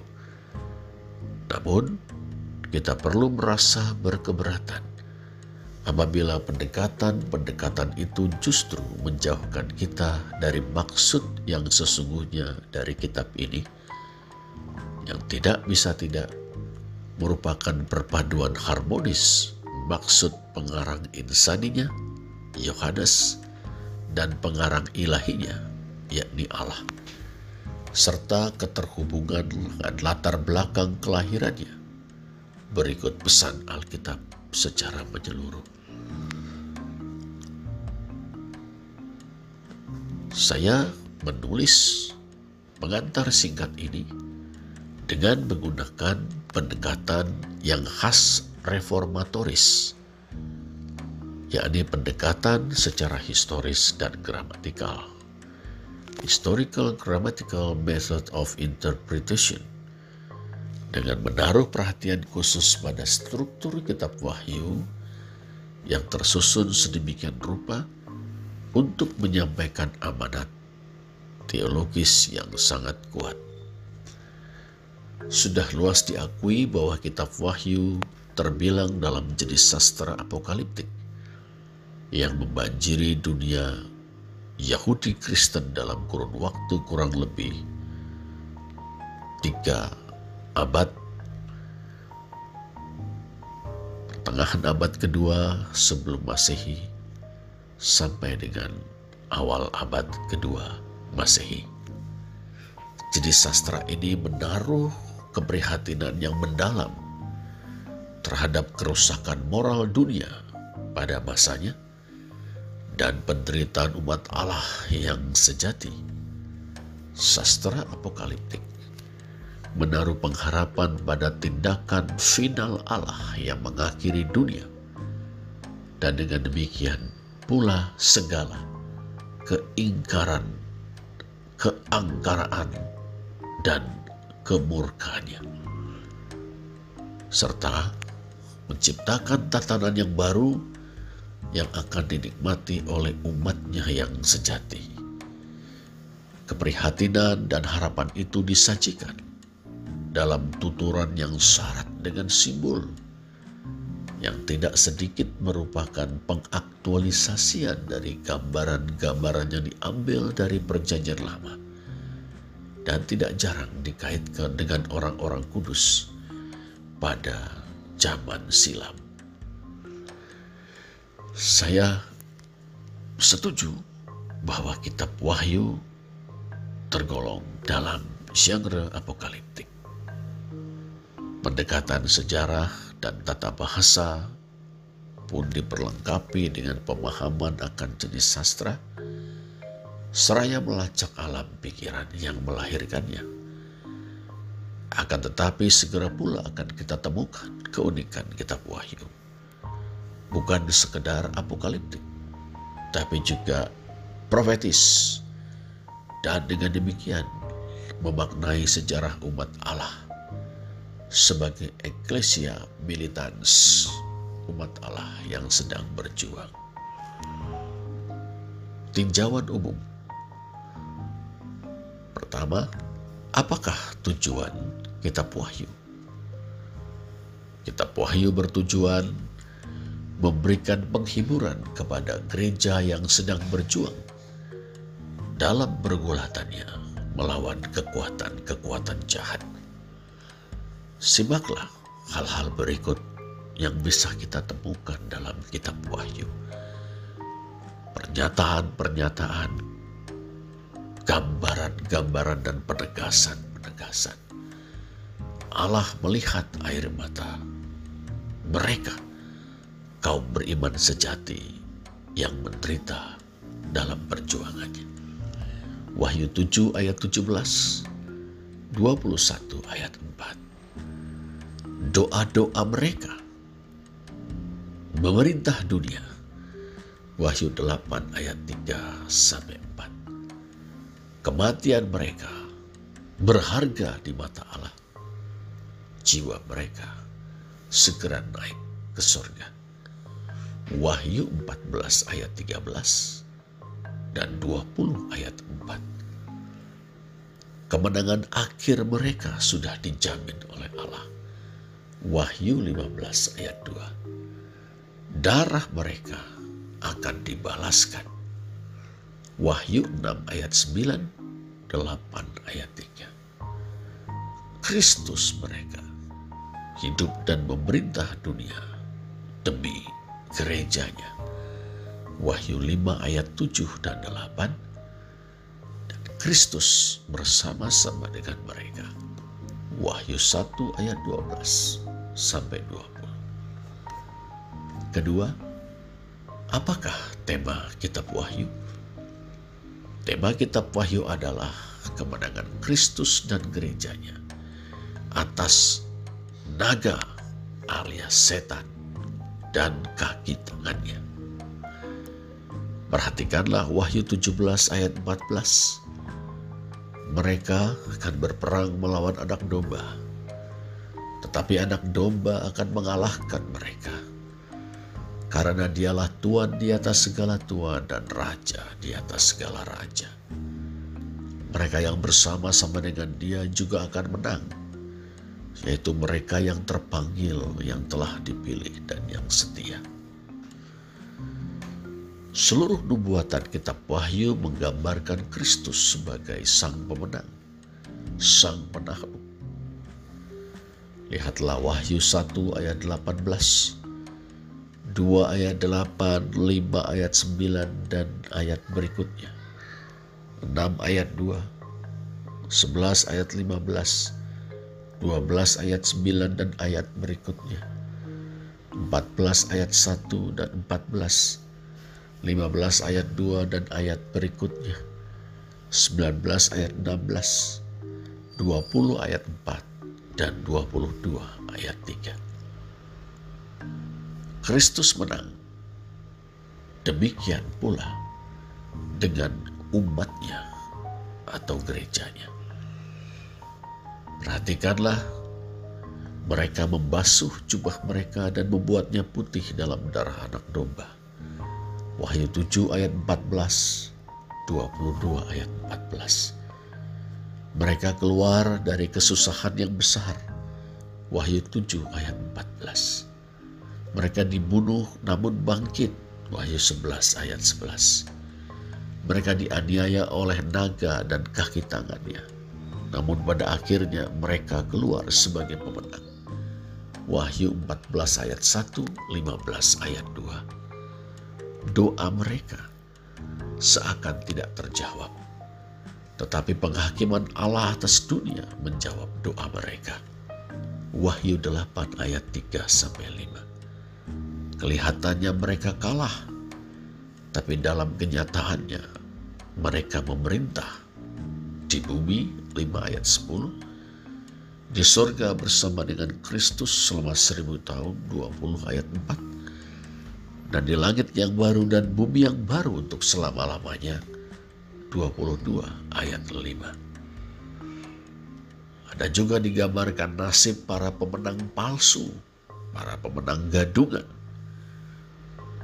Nasib naga 12 ayat 3. Si binatang buas yang keluar dari dalam laut 13 ayat 1. Si nabi palsu atau binatang yang keluar dari dalam bumi 13 ayat 11. Dan Babel 14 ayat 8. Mereka muncul tapi mereka semua berakhir dengan kekalahan kebinasaan. Babel, lihat 18 ayat 2. Kekalahan si binatang buas dan si nabi palsu, lihat 19 ayat 20. Dan kekalahan naga atau iblis alias setan, 20 ayat 10. Ketiga, kepada siapakah kitab Wahyu ditujukan? Kitab Wahyu pertama-tama ditujukan kepada orang-orang percaya yang hidup pada zaman penulisnya, zaman Yohanes. Sebagai jawaban Allah atas doa-doa dan air mata orang-orang Kristen itu yang teraniaya dan tersebar di kota-kota di Asia Kecil. Kendati demikian, Kitab Wahyu juga dimaksudkan bagi segenap gereja, semua orang percaya yang hidup pada masa di antara kedatangan yang pertama dan kedatangan kedua. Tuhan Yesus Kristus. Simaklah penderitaan yang dialami oleh gereja pada zaman Yohanes adalah tipikal dari penganiayaan yang harus dialami oleh orang-orang percaya sejati di sepanjang masa. Lihat 2 Timotius 3 ayat 12. Lebih-lebih menjelang kedatangannya kembali. Matius 24 ayat 29 sampai 30. Banyak dari prediksi nubuatan yang berlimpah dalam kitab Wahyu berkenaan dengan prinsip-prinsip dan kejadian-kejadian yang memiliki cakupan sangat luas yang tidak dapat dibatasi dalam suatu tahun atau abad tertentu tapi meliputi abad demi abad sampai the great consummation atau penyempurnaan agung dalam kedatangan Kristus yang kedua. Surat-surat dalam kitab Wahyu yang kita bisa baca dalam Wahyu 2 sampai 3 atau Wahyu 2 dan 3 dialamatkan kepada tujuh gereja atau tujuh jemaat. Angka tujuh melambangkan kelengkapan. Dalam hal ini peringatan dan penghiburan kitab Wahyu dimaksudkan bagi segenap gereja di sepanjang zaman. Dan semua orang yang membaca dan mempelajari kitab Wahyu disebut berbahagia. Lihat 1 ayat 3 dan 22 ayat 18. Keempat, siapakah penulis kitab Wahyu? Keempat, siapakah yang menulis kitab Wahyu? Penulis kitab Wahyu menyebut dirinya Yohanes Lihat 1 ayat 1, 4, 9, dan 22 ayat 8. Yang dimaksud biasanya dipahami sebagai Yohanes Sang Rasul yang menurut tradisi dianggap menulis Injil keempat dan surat-surat Yohanes. Mari kita perhatikan Kenyataan bahwa sang pengarang hanya menyebut dirinya Yohanes menunjukkan bahwa ia sudah sangat dikenal sekurang-kurangnya di seluruh Asia Kecil. Hanya ada satu Yohanes yang tidak perlu membubuhi gelar rasul, karena memang ia telah dikenal luas sebagai seorang rasul. Meskipun ada perbedaan dalam tata bahasa, gaya, dan nada kitab Wahyu dengan kitab Injil keempat, toh kita menemukan kemiripan-kemiripan yang mencolok sehubungan dengan susunan-susunan bentukan-bentukan tata bahasa, ungkapan-ungkapan yang khas bahkan ajarannya. Bandingkan Yohanes 7 ayat 37 dengan 22 ayat 17. Bandingkan Yohanes 3 ayat 16 dengan Wahyu 7 ayat 9. 22 ayat 17. Bandingkan Yohanes 1 ayat 29, 3 ayat 3, 5 ayat 24, 10 ayat 10 dan 11. Dengan Wahyu 7 ayat 14, 12 ayat 11, 21 ayat 6, dan 22 ayat 17. Bandingkan Yohanes 10 ayat 18 dengan Wahyu 2 ayat 17. Bandingkan Yohanes 20 ayat 12 dengan Wahyu 3 ayat 4. Bandingkan Yohanes 1 ayat 1 dengan Wahyu 19 ayat 13. Bandingkan Yohanes 1 ayat 1 dan ayat berikutnya dengan Wahyu 22 ayat 13 dan bandingkan Yohanes 1 ayat 29 dengan Wahyu 5 ayat 6. Kesaksian bapak-bapak gereja yaitu Justinus Martir sekitar tahun 140 Masehi, Irenaeus 180 Masehi, Kanon Muratori tahun 200 Masehi, Clemens dari Alexandria tahun 200, Tertullianus dari Kartago tahun 220, Origenes dari Alexandria tahun 223, dan Hippolytus tahun 240. Semua mengatakan bahwa Yohanes penulis kitab Wahyu adalah Rasul Yohanes. Kelima, kapan kitab Wahyu ditulis? Kitab Wahyu ditulis menjelang berakhirnya pemerintahan Kaisar Domitianus sekitar tahun 95 96 Masehi. Kesaksian Bapak Gereja Irenaeus menarik. Ia mengatakan karena hal itu yang dimaksud ada penglihatan yang tertulis dalam kitab Wahyu. Karena hal itu diwahyukan belum lama berselang, tetapi dekat sekali dengan zaman kita kini, menjelang akhir dari pemerintahan Domitianus. Juga, kata Irenaeus, gereja di Efesus didirikan oleh Paulus. Yohanes tinggal menetap di sana sampai dengan zaman Kaisar Trajan atau Trajanus yang memerintah dalam kurun waktu tahun 98 sampai 117. Yohanes adalah saksi yang dapat dipercaya. Efesus, gereja di Efesus adalah saksi yang dapat dipercaya dari tradisi rasul-rasul. Demikian Bapak Gereja Irenaeus. Sekarang berkenaan dengan pendekatan teologis dan sastra. Pedoman mempelajari kitab Wahyu. Pertama, kitab Wahyu terdiri dari tujuh bagian. Ketujuh bagian itu berjalan paralel atau sejajar setiap bagian meliputi seluruh masa yang membentang dari kedatangan pertama Kristus sampai dengan kedatangannya yang kedua. Tetapi setiap bagian dipandang atau dilihat dari aspek-aspek yang berbeda.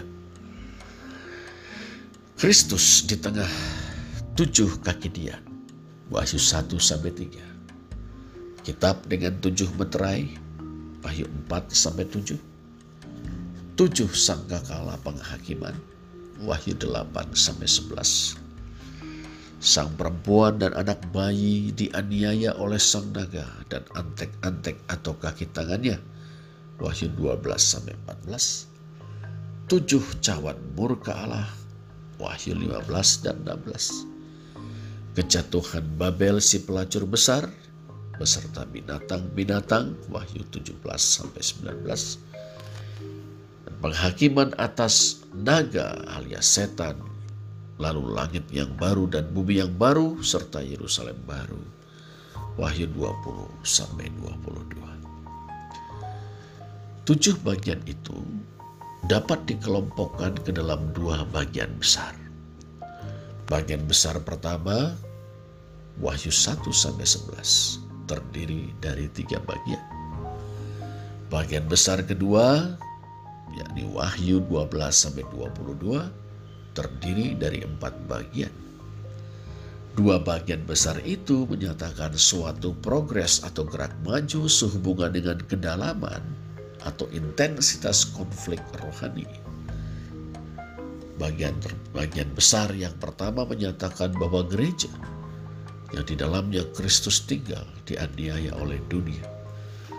Bagian besar yang kedua menyatakan latar belakang spiritual, latar belakang rohani yang lebih dalam dari pergulatan tersebut yakni konflik antara Kristus dan naga, yang di dalamnya Kristus dan oleh karena itu juga gerejanya keluar sebagai pemenang. Ada pergulatan di bumi, yaitu gereja dianiaya oleh dunia, gereja dibalaskan, dilindungi dan menang. Wahyu 1 ayat 1 sampai 11. Yang terdiri dari Kristus di tengah tujuh kaki dian 1 sampai 3 kitab dengan tujuh meterai empat sampai tujuh dan tujuh sangkakala penghakiman delapan sampai sebelas. Yang kedua latar belakang spiritual Kristus dan gereja berhadapan dengan naga dan antek-anteknya. Kristus dan gereja keluar sebagai pemenang Wahyu 12 sampai 22. Sang perempuan dan anak bayi dianiaya oleh naga dan kaki tangannya yakni si pelacur besar dan binatang-binatang. Wahyu 12 sampai 14. Tujuh cawan murka 15 dan 16. Kejatuhan si pelacur besar beserta binatang-binatang 17 sampai 19 dan penghakiman atas naga alias setan lalu langit yang baru dan bumi yang baru juga Yerusalem baru Wahyu 20 sampai 22 Kitab Wahyu merupakan kesatuan yang utuh. Prinsip-prinsip dari perilaku manusia dan pemerintahan moral ilahi secara progresif dinyatakan. Kaki-kaki Dian mengantisipasi meterai-meterai. Meterai-meterai mengantisipasi sangkakala-sangkakala dan seterusnya. Tujuh bagian dari kitab Wahyu disusun menurut pola klimaktik atau memuncak ada gerak maju dalam penekanan eskatologis. Pertama-tama penghakiman terakhir diwartakan. Kemudian diintrodusir dan akhirnya digambarkan. Hal yang serupa, langit yang baru dan bumi yang baru digambarkan dengan lebih penuh dalam bagian yang terakhir daripada di dalam bagian-bagian yang mendahulunya. Susunan kitab Wahyu terdiri dari lukisan-lukisan yang bergerak, Rincian-rincian yang menyangkut lukisan harus ditafsirkan dalam keselarasan dengan pemikiran sentralnya. Kita harus mengajukan dua pertanyaan. Pertama, apakah lukisan keseluruhannya? Dan kedua, apakah gagasan utamanya? Meterai-meterai, sangkakala-sangkakala, cawan-cawan murka, dan lambang-lambang yang serupa tidak merujuk pada peristiwa-peristiwa yang khusus atau kejadian-kejadian tertentu atau rincian-rincian sejarah. Tapi pada prinsip-prinsip tentang perilaku manusia dan pemerintahan ilahi yang bekerja di seluruh sejarah dunia, khususnya di sepanjang periode yang baru. Kitab Wahyu berakar dalam peristiwa-peristiwa dan lingkungan-lingkungan kontemporer Lambang-lambangnya harus ditafsirkan dalam terang kondisi-kondisi yang berlaku manakala kitab itu ditulis. Kitab Wahyu berakar dalam kitab suci karena itu kitab suci harus karena itu kitab Wahyu ini harus ditafsirkan dalam keselarasan dengan seluruh kitab suci atau Alkitab. Dan kitab suci kitab Wahyu berakar dalam pikiran dan pewahyuan Allah.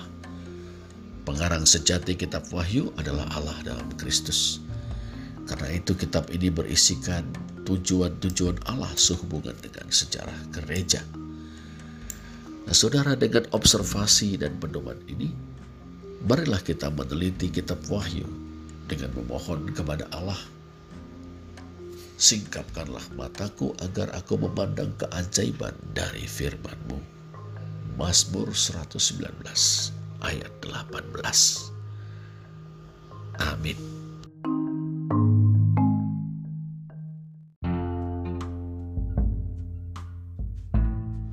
Penafsiran A milenial atas kitab Wahyu sama halnya dengan pra-milenialisme dan pasca milenialisme, pandangan A milenial tentang kerajaan seribu tahun tidak lepas dari cara menafsirkan kitab Wahyu. Mari kita asumsikan bahwa kitab Wahyu harus ditafsirkan secara futuristis yakni hanya merujuk pada peristiwa-peristiwa yang akan terjadi di sekitar dan pada saat kedatangan kembali Yesus Kristus. Mari kita asumsikan juga bahwa apa yang disajikan dalam Wahyu 20 mengikuti secara kronologis apa yang telah digambarkan dalam Wahyu 19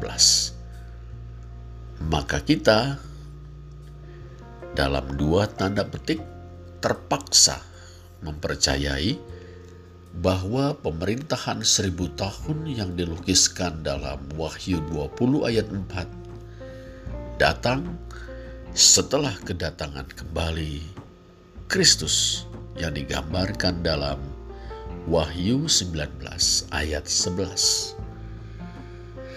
Akan tetapi, Bila kita melihat Wahyu 20 ayat 1 sampai 6 menggambarkan apa yang terjadi di sepanjang sejarah gereja yang dimulai dengan kedatangan pertama Yesus Kristus kita akan memiliki pemahaman tentang milenium Wahyu 20 yang sangat berbeda.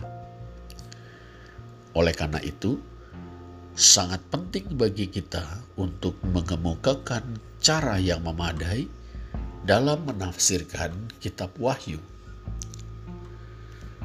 Metode penafsiran kitab Wahyu yang paling memuaskan bagi saya, kendati tentu bukan tanpa kesulitan, adalah paralelisme progresif yang didemonstrasikan dan dipertahankan secara mumpuni oleh penafsir dan teolog reform William Hendrickson dalam karyanya More Than Conquerors. Komentar atau tafsirnya atas kitab Wahyu. Menurut pandangan ini, kitab Wahyu terdiri dari tujuh bagian yang sejajar satu dengan yang lain, yang masing-masing melukiskan gereja dan dunia sejak waktu kedatangan pertama Kristus sampai waktu kedatangannya yang kedua. Yang pertama dari tujuh bagian ini ditemukan dalam Wahyu 1 sampai 3 Yohanes melihat Kristus yang bangkit dan mulia, berjalan di tengah tujuh kaki dian emas.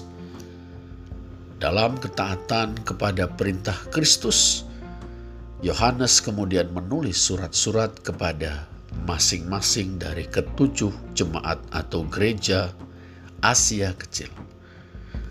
Penglihatan tentang Kristus yang dimuliakan bersama-sama dengan ketujuh gereja membentuk sebuah unit. Sementara kita membaca surat-surat ini, kita terkesan dengan dua hal. Pertama, ada rujukan-rujukan kepada peristiwa-peristiwa, orang-orang, dan tempat-tempat ketika kitab Wahyu ditulis. Kedua, prinsip-prinsip pujian-pujian, dan peringatan-peringatan, teguran-teguran yang termuat di dalam surat-surat tersebut memiliki nilai bagi gereja di segala zaman. Dua pengamatan ini memberikan kunci untuk menafsirkan seluruh kitab Wahyu. Karena kitab Wahyu ditujukan pertama dan terutama kepada gereja di akhir abad pertama, pesannya memiliki rujukan kepada peristiwa-peristiwa yang terjadi pada waktu itu, dan oleh karena itu bermakna bagi umat Kristen pada zaman itu. Tetapi karena kitab ini juga dimaksudkan bagi gereja dari zaman ke zaman, pesannya masih relevan bagi kita sekarang ini. Bagian kedua adalah penglihatan tentang tujuh meterai yang kita temukan dalam Wahyu 4 sampai 7. Yohanes dibawa ke sorga dan melihat Allah yang duduk di atas tahtanya yang gemilang.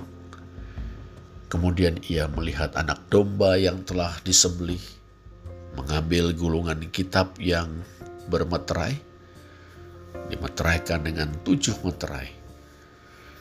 Anak domba mengambil gulungan tersebut dari tangan dia, Allah yang duduk di tahta.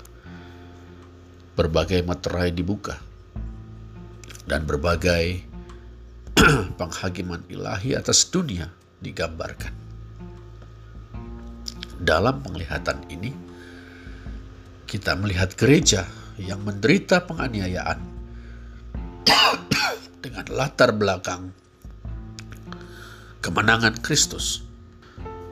Bagian ketiga yang kita temukan dalam Wahyu 8 sampai 11 menggambarkan tujuh sangkakala penghakiman dalam penglihatan ini, kita melihat gereja dibalaskan, dilindungi, dan menang berjaya.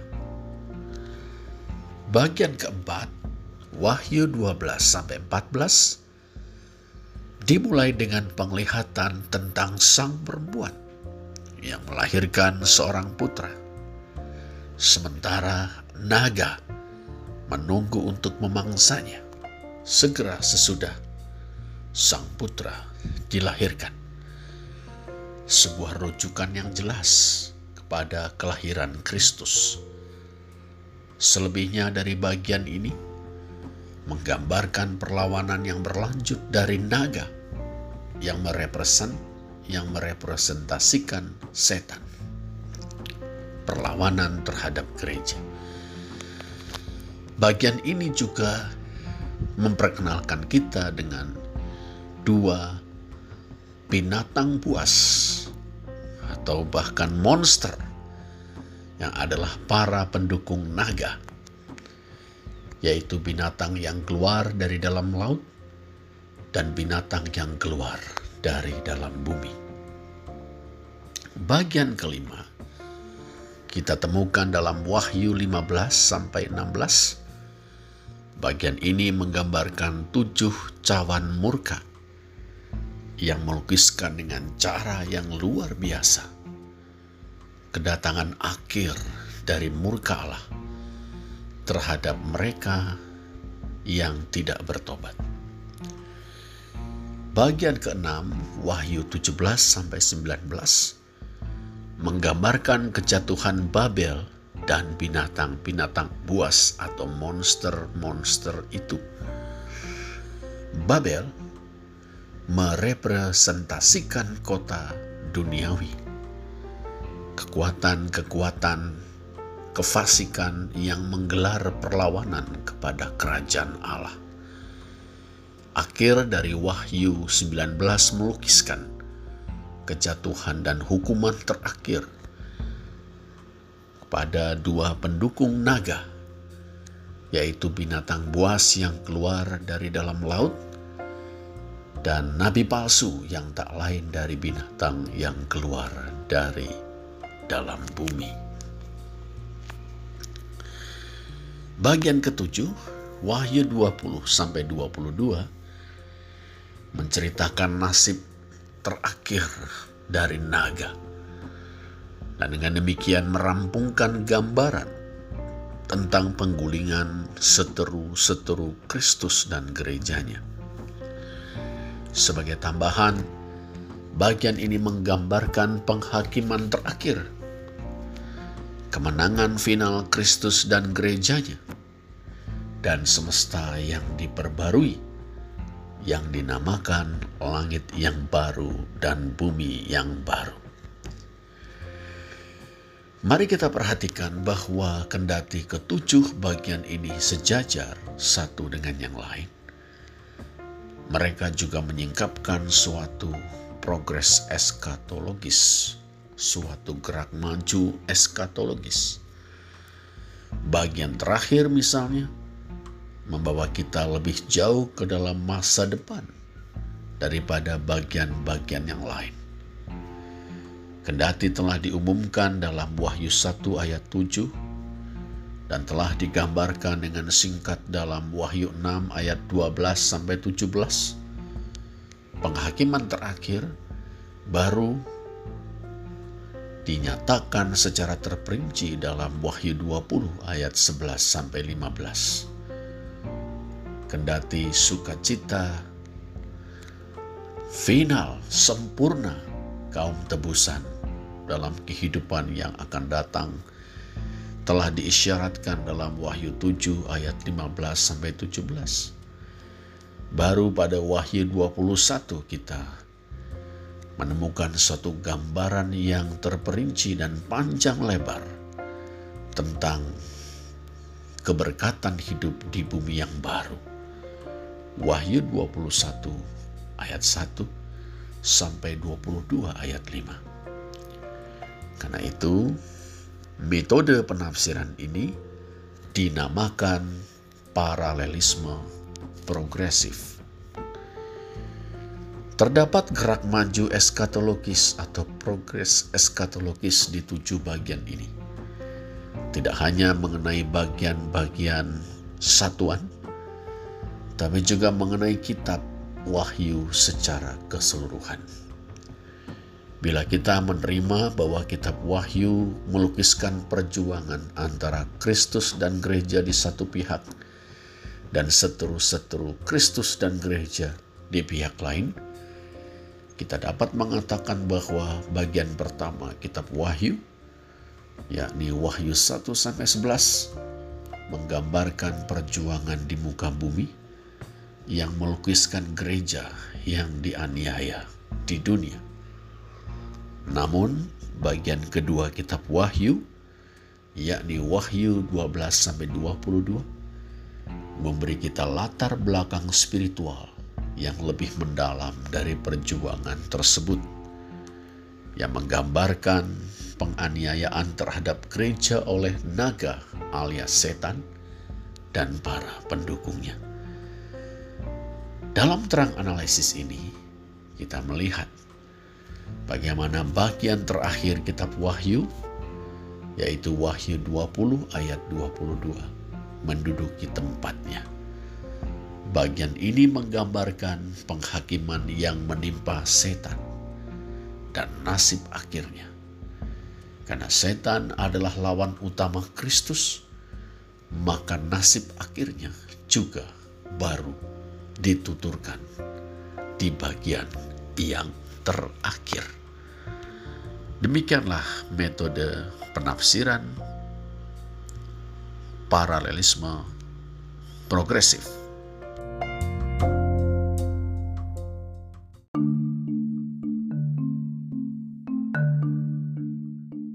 Panorama Kitab Wahyu menurut metode tafsir paralelisme progresif Menurut metode tafsir paralelisme progresif, kitab Wahyu terdiri dari tujuh bagian. Wahyu 1 sampai 3, Wahyu 4 sampai 7, Wahyu 8 sampai 11, Wahyu 12 sampai 14, Wahyu 15 sampai 16, Wahyu 17 sampai 19, dan Wahyu 20 sampai 22. Di satu sisi, ketujuh bagian tersebut paralel atau sejajar satu dengan yang lain. Masing-masing bagian meliputi suatu kurun waktu yang dimulai dengan kedatangan pertama Kristus hingga kedatangannya yang kedua. Semuanya berbicara tentang perjuangan, pergumulan atau penderitaan, dan kemenangan gereja dalam Kristus. Tetapi ketujuh bagian itu di sisi lain menampilkan gerak maju, sementara bagian demi bagian bergulir penggambaran tentang kemenangan gereja dalam Kristus semakin terperinci. Berikut adalah panorama kitab Wahyu menurut tafsir paralelisme progresif. Wahyu 1 sampai 3. Yesus Kristus senantiasa menyertai gerejanya. Ia melindungi dan memurnikan gereja. Ia menghargai gerejanya yang setia ia juga memperingatkan gerejanya agar tetap setia dan meninggalkan jalan-jalan yang cemar. Wahyu 4 sampai 7. Gereja mengawali zamannya dengan kehidupan, kematian dan kebangkitan Yesus Kristus, anak domba Allah yang disembelih itu. Allah berkenan kepada gereja Allah mendengar doa-doanya. Tetapi gereja menderita. Sebagaimana kita lihat dalam penglihatan tentang para penunggang kuda. Selama masih berada di dalam dunia dengan tatanan yang sekarang, gereja menderita. Ia menderita karena Kristus, tapi pada akhirnya semua pihak yang menyengsarakan gereja akan mendapatkan balasan yang adil dari Allah. Gereja sendiri dengan mengemban nama Allah tetap berada dalam naungan dan perlindungannya. Wahyu 8 sampai 11. Gereja sedang menantikan penghakiman Allah. Penghakiman itu akan melepaskan kaum beriman dari dunia yang menganiaya mereka dan membawa mereka ke surga. Penghakiman itu juga akan mendatangkan siksaan kepada kaum fasik. Penghakiman itu sudah dimulai sekarang. Sebagaimana kita simak dalam penglihatan tentang sangkakala-sangkakala. Tapi, sementara kita semakin dekat dengan akhir dunia, penghakiman-penghakiman itu akan semakin dahsyat gereja akan tetap dilindungi dan terpelihara kendati harus menjalani saat penganiayaan yang sangat berat. Begitu beratnya saat itu, hingga kelihatannya gereja telah benar-benar mati. Tetapi gereja tidak akan tinggal dalam kematian. Gereja akan bangkit. Ya, dibangkitkan Allah ketika semarak kemuliaan dan kemenangan Allah dinyatakan. Wahyu 12 sampai 14. Juru selamat yang akan menyelamatkan dunia datang dari umat Allah. Perjanjian lama. Ketika sang juru selamat datang, Iblis berusaha keras untuk membinasakan umat Allah. Ia menggunakan pemerintah-pemerintah sekuler. Ia menggunakan agama-agama palsu. Tapi gereja tetap terlindung dan terpelihara. Banyak orang menyekutukan diri dengan iblis, tapi beberapa di antara mereka tidak bersedia menyekutukan diri dengannya. Mereka memilih untuk tetap setia kepada Allah. Akibatnya, hidup mereka menjadi sangat sukar. Tapi kesetiaan itu justru akan membuat mereka terlindung, terpelihara sampai akhirnya. Wahyu 15 sampai 16. Penghakiman-penghakiman Allah melanda kaum fasik di sepanjang hidup mereka. Tetapi penghakiman-penghakiman tersebut akan menjadi semakin dahsyat pada akhir dunia. Sebagaimana kita simak dalam penglihatan tentang cawan-cawan. Meski demikian, kaum fasik terus melawan Allah. Ada banyak pertikaian, pertempuran, peperangan di sepanjang sejarah gereja. Tetapi semuanya itu akan mencapai puncaknya dalam satu peperangan akbar, perang Harmagedon. Inilah serangan terakhir iblis kepada gereja. Tetapi gereja tetap terlindung, terpelihara. Pasukan-pasukan iblis dikalahkan oleh kuasa Allah. Wahyu 17 sampai 19. Sejak permulaan gereja, selalu ada sumber-sumber pencobaan yang berupaya untuk menarik umat berpaling dari Allah. Dunia menyerang gereja, baik dengan penganiayaan maupun godaan. Tapi sumber-sumber kejahatan, baik yang kejam maupun yang memikat hati, tidak akan bertahan di hadapan murka Allah. Mereka akan binasa. Sebaliknya, kaum yang telah berjuang memelihara kemurnian, akhirnya akan berkumpul dengan Yesus Kristus dalam pesta perkawinan mempelai laki-laki dan mempelai perempuannya. Sang mempelai laki-laki, Yesus Kristus, adalah juga dia yang akan membinasakan pihak-pihak yang menganiaya gereja mempelai perempuannya. Sang mempelai laki-laki adalah seorang penjuang perkasa yang akan memastikan keadilan atas para penganiaya dan para pengikut ajaran-ajaran palsu atas setiap orang yang terpisah dari Allah. Wahyu 20 sampai 22.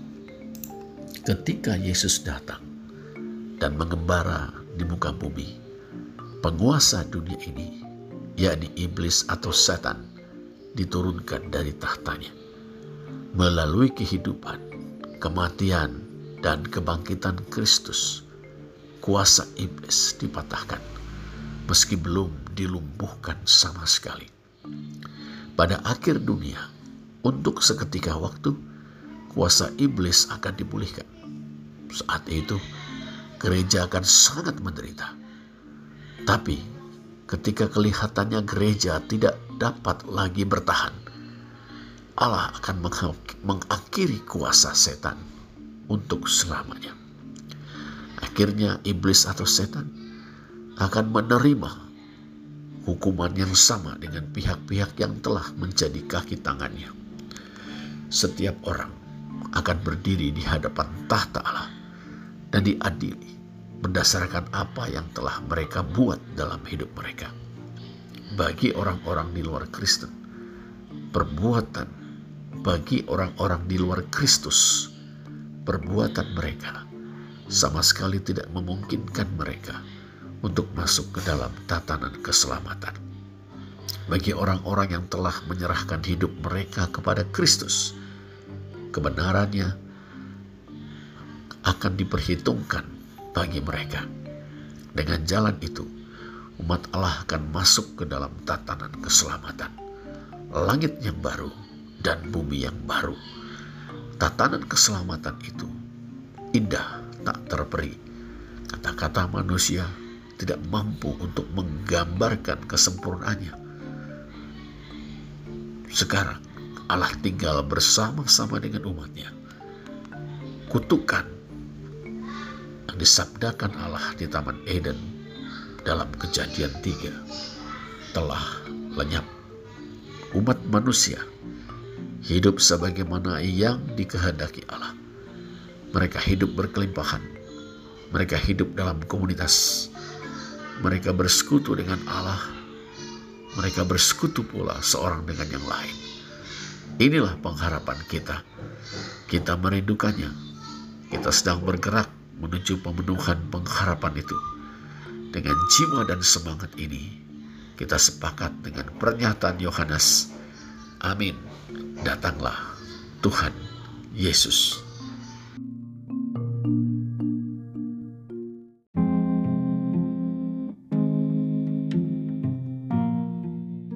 Menafsirkan Wahyu 1 sampai 3.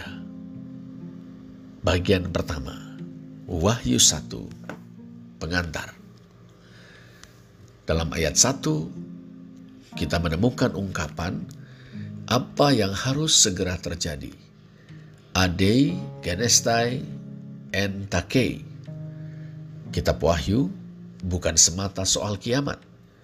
Kitab Wahyu adalah tentang sejarah suci dari gereja Yesus Kristus yang berawal dari kemenangan salib hingga hingga kedatangan kembali Kristus. Karena itu, isinya dapat diterapkan bagi semua kaum beriman di segala zaman. Di ayat 4 kita menemukan frase ketujuh jemaat. Tais hepta ecclesiais. Ketujuh jemaat tentu mempunyai pengertian sosiohistoris mereka adalah gereja-gereja atau jemaat-jemaat yang benar-benar ada di Efesus, Smyrna, Pergamos, Tiatira, Sardis, Philadelphia, dan Laodikia. Dari satu gereja ke gereja lain, yakni dari Efesus sampai Laodikia, ketujuh jemaat itu membentuk sebuah lingkaran. Boleh jadi, kota-kota di mana gereja-gereja itu berada – merupakan pusat-pusat pos yang melayani tujuh wilayah geografis.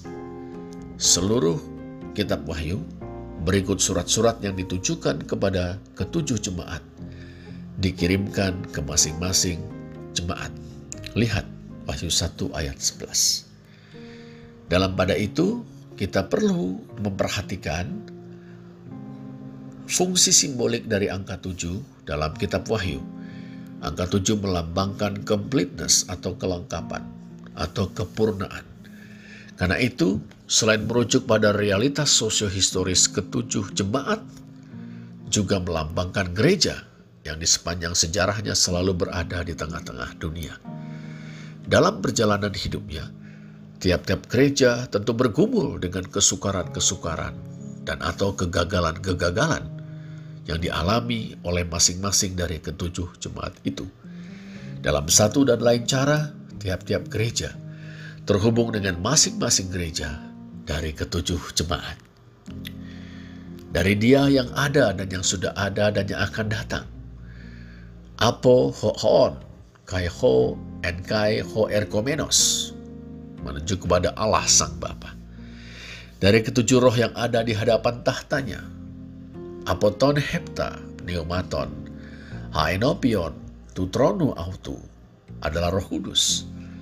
Dari Yesus Kristus, saksi yang setia yang pertama bangkit dari antara orang mati dan yang berkuasa atas raja-raja bumi ini, Apo Yesus Kristus, ho Martus, ho Pistos, ho Prototokos, ton Nekron, kai ho Arkon, ton Basileon Teskes, adalah Yesus Kristus. Di ayat 5 dan 6 kita membaca bagi Dia yang mengasihi kita dan yang telah melepaskan kita dari dosa kita. Oleh darahnya dan yang telah membuat kita menjadi satu kerajaan, menjadi imam-imam bagi Allah Bapaknya. Bahasa Ibrani, bahasa Yunani, To agaponti hemas kelusanti hemas ekton hamartion hemon.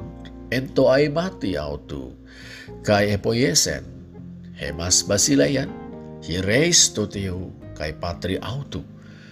Kitab Wahyu bertujuan untuk memberikan penghiburan bagi gereja yang menderita dalam perjuangannya di dunia. Penggalan doksologia ini mengandung penghiburan yang sangat berarti bagi kaum beriman. Dia yang diakui kaum beriman sebagai yang berhak atas kemuliaan dan kuasa sampai selama-lamanya, Hedoksa Kaitokratos Estos, Estus Ayonas, adalah dia yang selalu atau senantiasa mengasihi kita karena kasihnya dia telah menebus kita. Yang telah melepaskan kita oleh darahnya. Karena kasihnya dan atas dasar karya penebusannya. Dia telah membuat kita menjadi sebuah kerajaan imamat. Di dalam kerajaan itu, tiap-tiap warganya melayani Allah dengan menjalankan fungsi sebagai imam, mempersembahkan kurban yang hidup kepada Allah, memanjatkan syafaat dan menyalurkan berkat Allah kepada umat manusia. Betapa gereja yang menderita adalah gereja yang senantiasa dikasihi oleh Tuhan Allahnya. Setelah gereja gereja yang telah ditebus dan ditetapkan oleh tugas untuk tugas pelayanan yang sangat mulia. Betapa berartinya penghiburan ini. Ayat 7. Setiap mata akan melihat dia. Obsetaya auton. Pas of Talmos. Dan semua bangsa di bumi akan meratapi atau meratap karena dia. Ya, Amin. Kai kop sontayam auton pasai, hai fulai tes guys nai. Amin. Pemakluman bahwa Yesus Kristus pasti akan datang kembali. Kedatangan kembali Yesus Kristus adalah kedatangan yang jaya. Kedatangan itu akan terlihat. Semua orang akan melihat dia datang. Mereka akan mengenali dia. Ketika datang kembali Yesus Kristus akan menaklukkan kejahatan dia juga akan mengadili tiap-tiap orang menurut perbuatannya.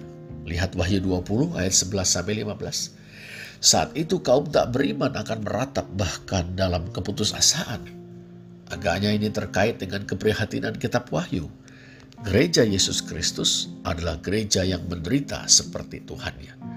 Penderitaan tersebut datang dari kaum tak beriman yang dalam persekutuan dengan si jahat dan kaki tangannya membenci dan menganiaya kaum beriman. Di tengah kesesakannya, kaum beriman berseru-seru kepada Allah, memohonkan keadilan daripadanya.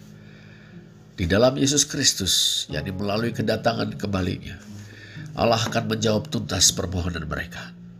Kaum beriman akan dibalaskan Kaum yang tidak beriman dari segala suku bangsa di muka bumi akan meratap ketika Tuhannya gereja datang untuk mewujud nyatakan keadilan Allah bagi umatnya. Ungkapan mereka yang telah menikam dia atau oitines auton exekentesan boleh jadi merujuk pada pemerintah atau pendudukan Romawi yang telah menjatuhkan hukuman mati kepada Yesus dan yang melalui prajurit-prajuritnya menyalibkan Yesus dan menombak lambungnya.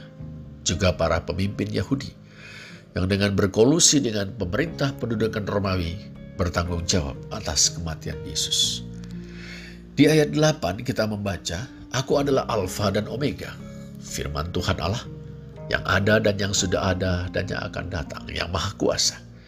Ego emi, to Alfa kaito Omega, legei kurios hoteos hohon kai hote hoen kai ho erkomenos ho pantokrator. Alfa dan Omega adalah huruf-huruf yang pertama dan yang terakhir dalam abjad Yunani. Simaklah Wahyu 21 ayat 6, di mana Allah menyebut dirinya Alfa dan Omega alias yang awal dan yang akhir. Dalam kedaulatannya, kita lihat isi yang maha kuasa, dia mengawali dan menyempurnakan sejarah umat manusia. Dia memerintah segenap sejarah umat manusia. Perhatikan juga Wahyu 1 ayat 17 sampai 18 dan 22 ayat 13. Yesus Kristus juga menyebut dirinya dengan gelar ini. Ayat 9. Saudara dan sekutumu dalam kesusahan, dalam kerajaan dan dalam ketekunan menantikan Yesus. Ho adel fosumon, kai sun koyonos, sun koinonos, ente tripsei, kai basileia, kai hupomone en Yesu. Ada persaudaraan, ada pula persekutuan, dalam arti yang ambil bagian dalam itulah koinonia. Persaudaraan itu dihayati dengan mengambil bagian dalam kesusahan, kerajaan, dan ketekunan dalam Kristus.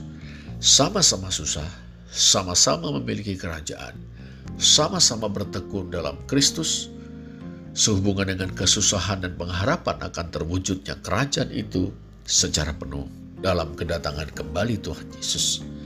Solidaritas dalam kesusahan, kerajaan, dan pengharapan. Kita juga mendapati ungkapan pulau yang bernama Patmos. Te Neso, Te Kalomene, Patmo. sebuah pulau karang yang seluas 4 kali 8 mil persegi di Laut Aegea, sekitar 50 mil di sebelah barat daya Efesus. Barangkali Patmos berfungsi sebagai tempat pembuangan atau pengasingan. Bapak gereja dan ahli sejarah Eusebius yang hidup tahun 265 sampai 340 Masehi mengatakan bahwa Yohanes dilepaskan dari Patmos pada masa pemerintahan Kaisar Nerva tahun 96 sampai 98. Ayat 10 pada hari Tuhan. Ente Kuriake Hemera. Istilah teknis untuk hari pertama dalam setiap pekan, yaitu hari Minggu. Saat itulah gereja atau kaum beriman merayakan kebangkitan Tuhan.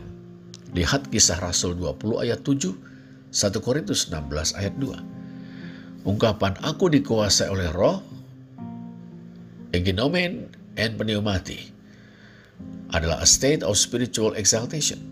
Suatu keadaan secara spiritual ketika jiwa atau roh kita dicerahkan atau mengalami pencerahan. Bandingkan penglihatan Petrus dalam kisah Rasul 10 ayat 10. Ayat 12 sampai 16 tentang kemuliaan Kristus. Ada tujuh kaki dian atau hepta lunias krusas. Ketujuh jemaat itu melambangkan ketujuh jemaat atau ketujuh gereja. Lihat ayat 20. Seorang serupa anak manusia, homoion, huyon, antropu mengingatkan kita pada Daniel 7 ayat 13 juga Markus 8 ayat 31.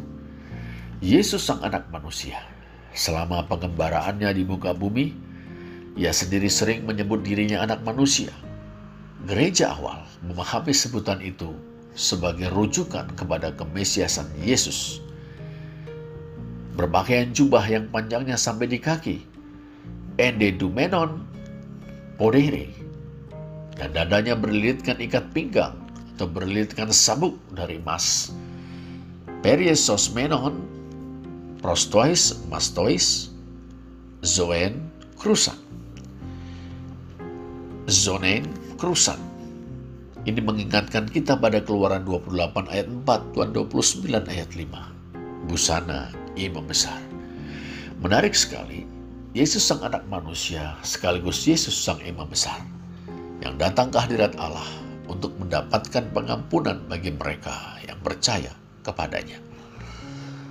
Kemudian ungkapan kepala dan rambutnya putih bagaikan bulu, bu, bulu yang putih metah. Hedeke vale auto, kai hai trikes leukai, hos erion, leukon, hos kino, kion. Atau kepala dan rambutnya putih seperti wool putih, seperti salju perlambang hikmat, kehormatan, dan kodrat ilahi. Lihatlah Daniel 7 ayat 9, Yesaya 1 ayat 18, Imamat 19 ayat 32, dan Amsal 16 ayat 31. Dan matanya bagaikan nyala api, kai hoi oftalmoi autu, hos vlogs puros, melambangkan kemahatauan, tiada yang tersembunyi di hadapan Kristus dan kakinya mengkilap bagaikan tembaga membara di dalam perapian. Kaya hoi podes autu homoyoi, kalkolibano hos en camino epuromenes. Bandingkan dengan Yehezkiel 1 ayat 3 dan 27, 8 ayat 2, juga Daniel 10 ayat 6 yang merepresentasikan kemuliaan ilahi. Lihat juga Wahyu 2 ayat 18 yang merepresentasikan kuasa penghakiman dari atas mereka yang tidak percaya dan tidak setia kepada kebenaran Kristus. Lalu ada ungkapan suaranya bagaikan desau air bah. Kayak heifonei auto, hosfonei udaton polon. Menggambarkan kemuliaan dan keagungan ilahi. Lihatlah Wahyu 14 ayat 2 dan 19 ayat 6. Bandingkan juga dengan Yehezkiel 1 ayat 24 dan 43 ayat 2. Dan di tangan kanannya ia memegang tujuh bintang. Kai ekon ente dexia keri auto asteras hepta. Tangan kanan melambangkan kuasa dan perlindungan yang aman. Tujuh bintang diidentifikasikan sebagai tujuh malaikat dari ketujuh jemaat di Asia. Wahyu 1 ayat 20. Dan dari mulutnya keluar sebilah pedang tajam bermata dua. Kai ektu stomatos autu romfayan distomos okeia ekporiumene. Sebilah pedang panjang bermata dua yang terkunus. Lihat Wahyu 2 ayat 12 dan 16, 6 ayat 8, 19 ayat 15 dan dan 21. Beda dengan pedang dalam Wahyu 6 ayat 4. 13 ayat 10 dan 14. Di sana digunakan kata makaira, bukan rompaya.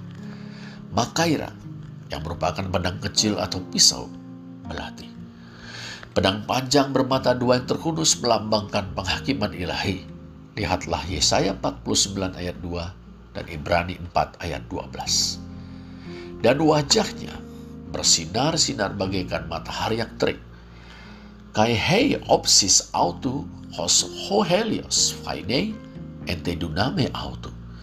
Ini mengungkapkan kemuliaan ilahi, kemahaunggulan, kemenangan, kemenangan Kristus tentunya. Ayat 18, Aku memegang segala kunci maut dan kerajaan maut Eko taskleis tu tanatu kaitu audu. Bagi gereja yang sedang menghadapi penderitaan dan kematian adalah suatu penghiburan yang sangat besar mengetahui bahwa dia yang mengasihi mereka memegang kuasa atas maut atau kematian. Dan akhirnya ayat 20, sebutan malaikat ketujuh jemaat atau angeloi ton hepta eklesion. Dalam bahasa Yunani kata untuk malaikat dan kata untuk utusan sama angelos. Para malaikat ketujuh jemaat bukan malaikat-malaikat sebagai makhluk-makhluk adekodrati. Mereka adalah para gembala dari gereja-gereja. thank you